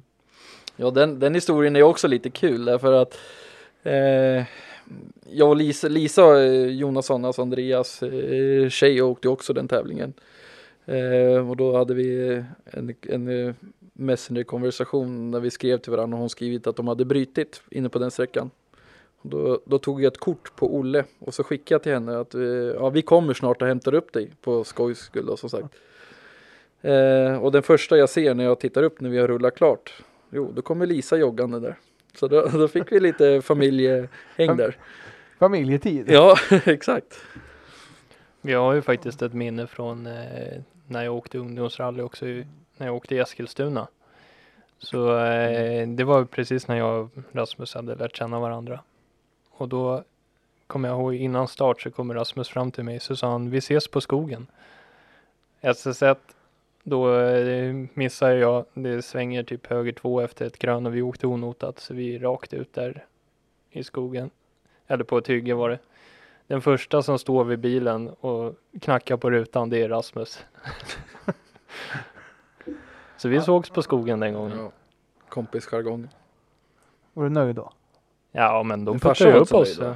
Nej han var inte Jag så nöjd. han, jag, på den var de, de puttade upp oss. eh, Vi fick byta ett hjul och sen åkte vi vidare. Mm. Vart var det någonstans då? Det var ju EMK-kannan också. Ett eh, fult högerkrön, det var ju helt nyhugget då. Var det där Sune Westlund? De? Ja, Ja, exakt, precis. de for långt ut där. Jonna la sig på sidan i Grupp E-golfen ju. Ja, I den röda. Mm. exakt. Ja. Så att, ja. Det, det finns ju säkert hur mycket historier som helst, men man kommer ju inte på, på allt. Nej. Men det är kul. ja, hur blir det i år då? När, när ingen av er ska, säger att ni ska åka rally? Ja, vi, vi får väl se. Vi satt faktiskt för ett par veckor sedan och pratade om att vi skulle köpa en bil till Slottsprinten för Slottsprinten måste vi nog åka. Mm. Min kommer inte vara färdig och Rasmus har ju ingen bil just nu så att eh, på något sätt ska vi lösa det tror jag.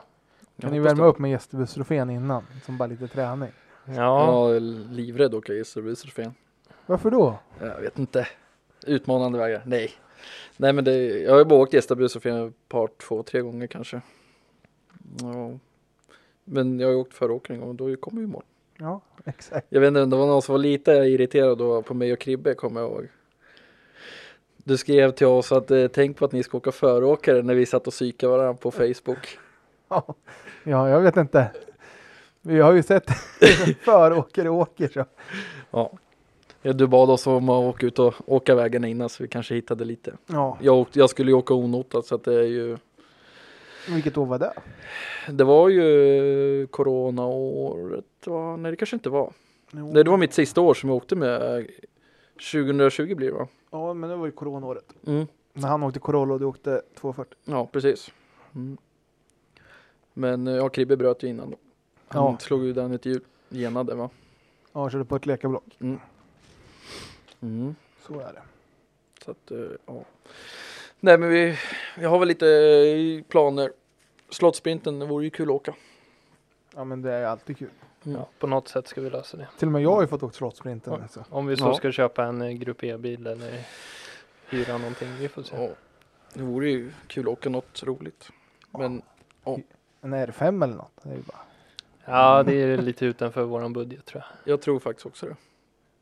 Det vore men, ja, någon 940 Wok eller något sånt där lagom. Men eh, jag hoppas att då får inte Andreas och Lisa åka bara. Så Blir det för mycket prestige då? Det, det kommer bli prestige. Vi har inte bestämt vem som kör av dig och mig. Borde vara min tur. Mm, Ja, det kan vi diskutera. Och det här kan bli en följetong det här. Ja, Vi kanske skulle lägga ut någon omröstning på rallypodden vem som ska köra av er. Vi får väl se vem som får ihop en bil. ja. ja den som löser, om vi säger så då. Den som löser det, den får köra. Det låter bra. Hur mycket ska du mu- muta brorsan med? Ja, han är nog mutbar, det tror jag. Tror du det? Ja, Han kommer vilja köra. ja. Mm. Vi får köpa en bil åt honom som han kan låna. Mm. Ja, vi löser något. Ja, det låter strålande. Men eh, jag tänker, vi får väl eh, börja avrunda här, men vi har ju våra fem stadiga frågor som Daniel brukar köra och som sagt, Daniel är ju fortfarande med och redigerar podden och, och gör allt arbete med att vi ska få ut den i tid och så. Så vi måste ju passa på att tacka honom för allt arbete han gör med, med det och så vi kan publicera poddarna, för det är jag helt kass på. Så, men eh, vi börjar väl med er, ert bästa tävlingsminne och vi börjar med dig Andreas. Eh, det är nog segern i Finland tror jag.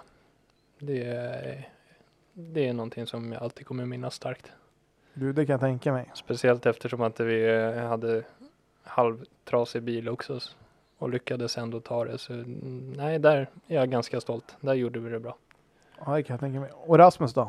Eh, nej men eh, helt klart Snapphanerallyt tror jag. Eh, det var ju det som gjorde i, eh, att allt det här med räddhet och, och få igång det här tempot med noter och allting, att det, det släppte just den tävlingen. Det, det var, gjorde mycket på mitt självförtroende att åka. Ja, men det, det förstår jag och som sagt skönt att, att få ett kvitto på att tempot finns där ändå. Ja men precis, vi hade ju ändå kört på ett tag och det inte riktigt hade lossnat men eh, mm, den tävlingen var, var mycket faktiskt. Ja, men skönt det. Eh, vilket är det värsta skogsminnet då? Och vi börjar med Rasmus. Mm. Nej men det måste nog gästabudstrofén 2011 eller när vi körde dubbelpunkan i eh, ja men då, första SRC-tävlingen. I Götene där. Ja, då var jag jag kommer ihåg jag tog telefonen och gick ut och ringde min farsa och bara nej, storböla helt ärligt. För det hade varit så kämpigt sista, sista veckorna och, och sen få komma och åka den tävlingen, fått ihop den budgeten och sen blir paj och pannkaka direkt. Ja, det är tråkigt. Mm. Andreas då? Nej, jag har inte kommit till mitt värsta skogsminne än tror jag. Jag har några kvar. Ja, men eh, nu då Örebro? Då, Ja, Örebro det var surt faktiskt. Vi har jobbat mycket med bilen och gjort mycket och det har varit motigt hela året och så avslutar vi med karossbyte så det, nej, det har varit tufft faktiskt. ja, men vi hoppas väl inte att det kommer något mer då? Ja, men det gör det ju. Det är ju en sån sport vi håller på med. Jag fick ju faktiskt låna en bil och åka en sista tävling med förra året då. Eh, Jag fick låna svärfars Opel Kadett och det var ju, där avslutade vi som trea faktiskt i A2-hjulsdrivet. Så, och jag hade inte kört en meter, jag hade inte ens kört upp den på trailern innan så det var ju jätteroligt. Ja, men vad skönt. Så vi avslutade bra.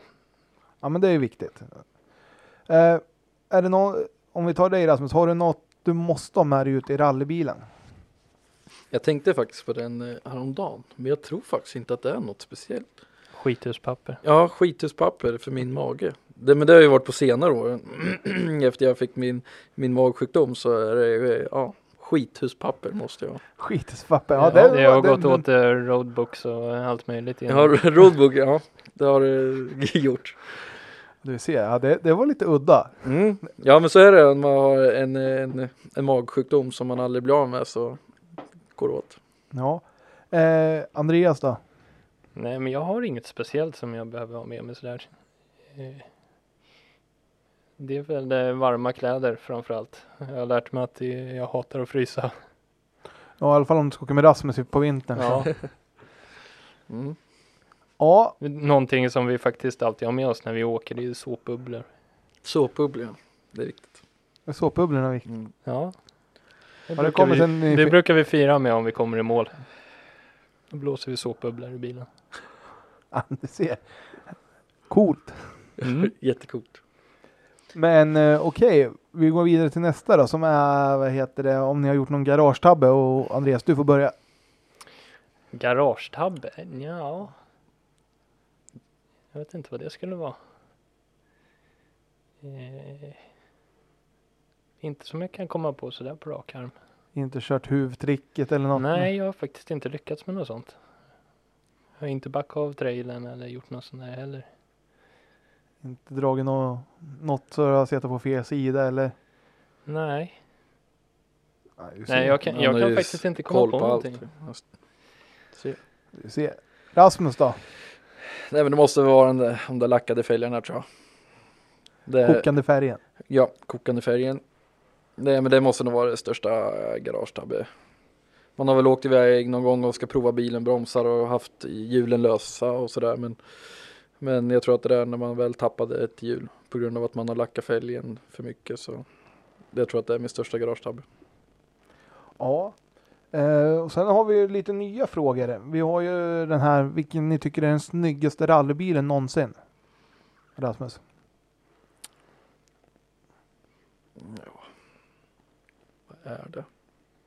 Man får inte säga 240 va? Du får säga exakt vad Ja, du vill. ja men det, jag är ju en sån, jag, jag är inte så mycket för mycket plast och sånt där på WRC-bilar och sådär men, nej men jag- BDA Escort med en Mac 2 eller en, eh, en f- riktigt fin 940 eller 240, det, jag tycker det är schysst. Alltså det, så är det. Ja. Ja, men jag, jag kan bara hålla med. Det är ju eskorterna tycker jag är fruktansvärt häftiga.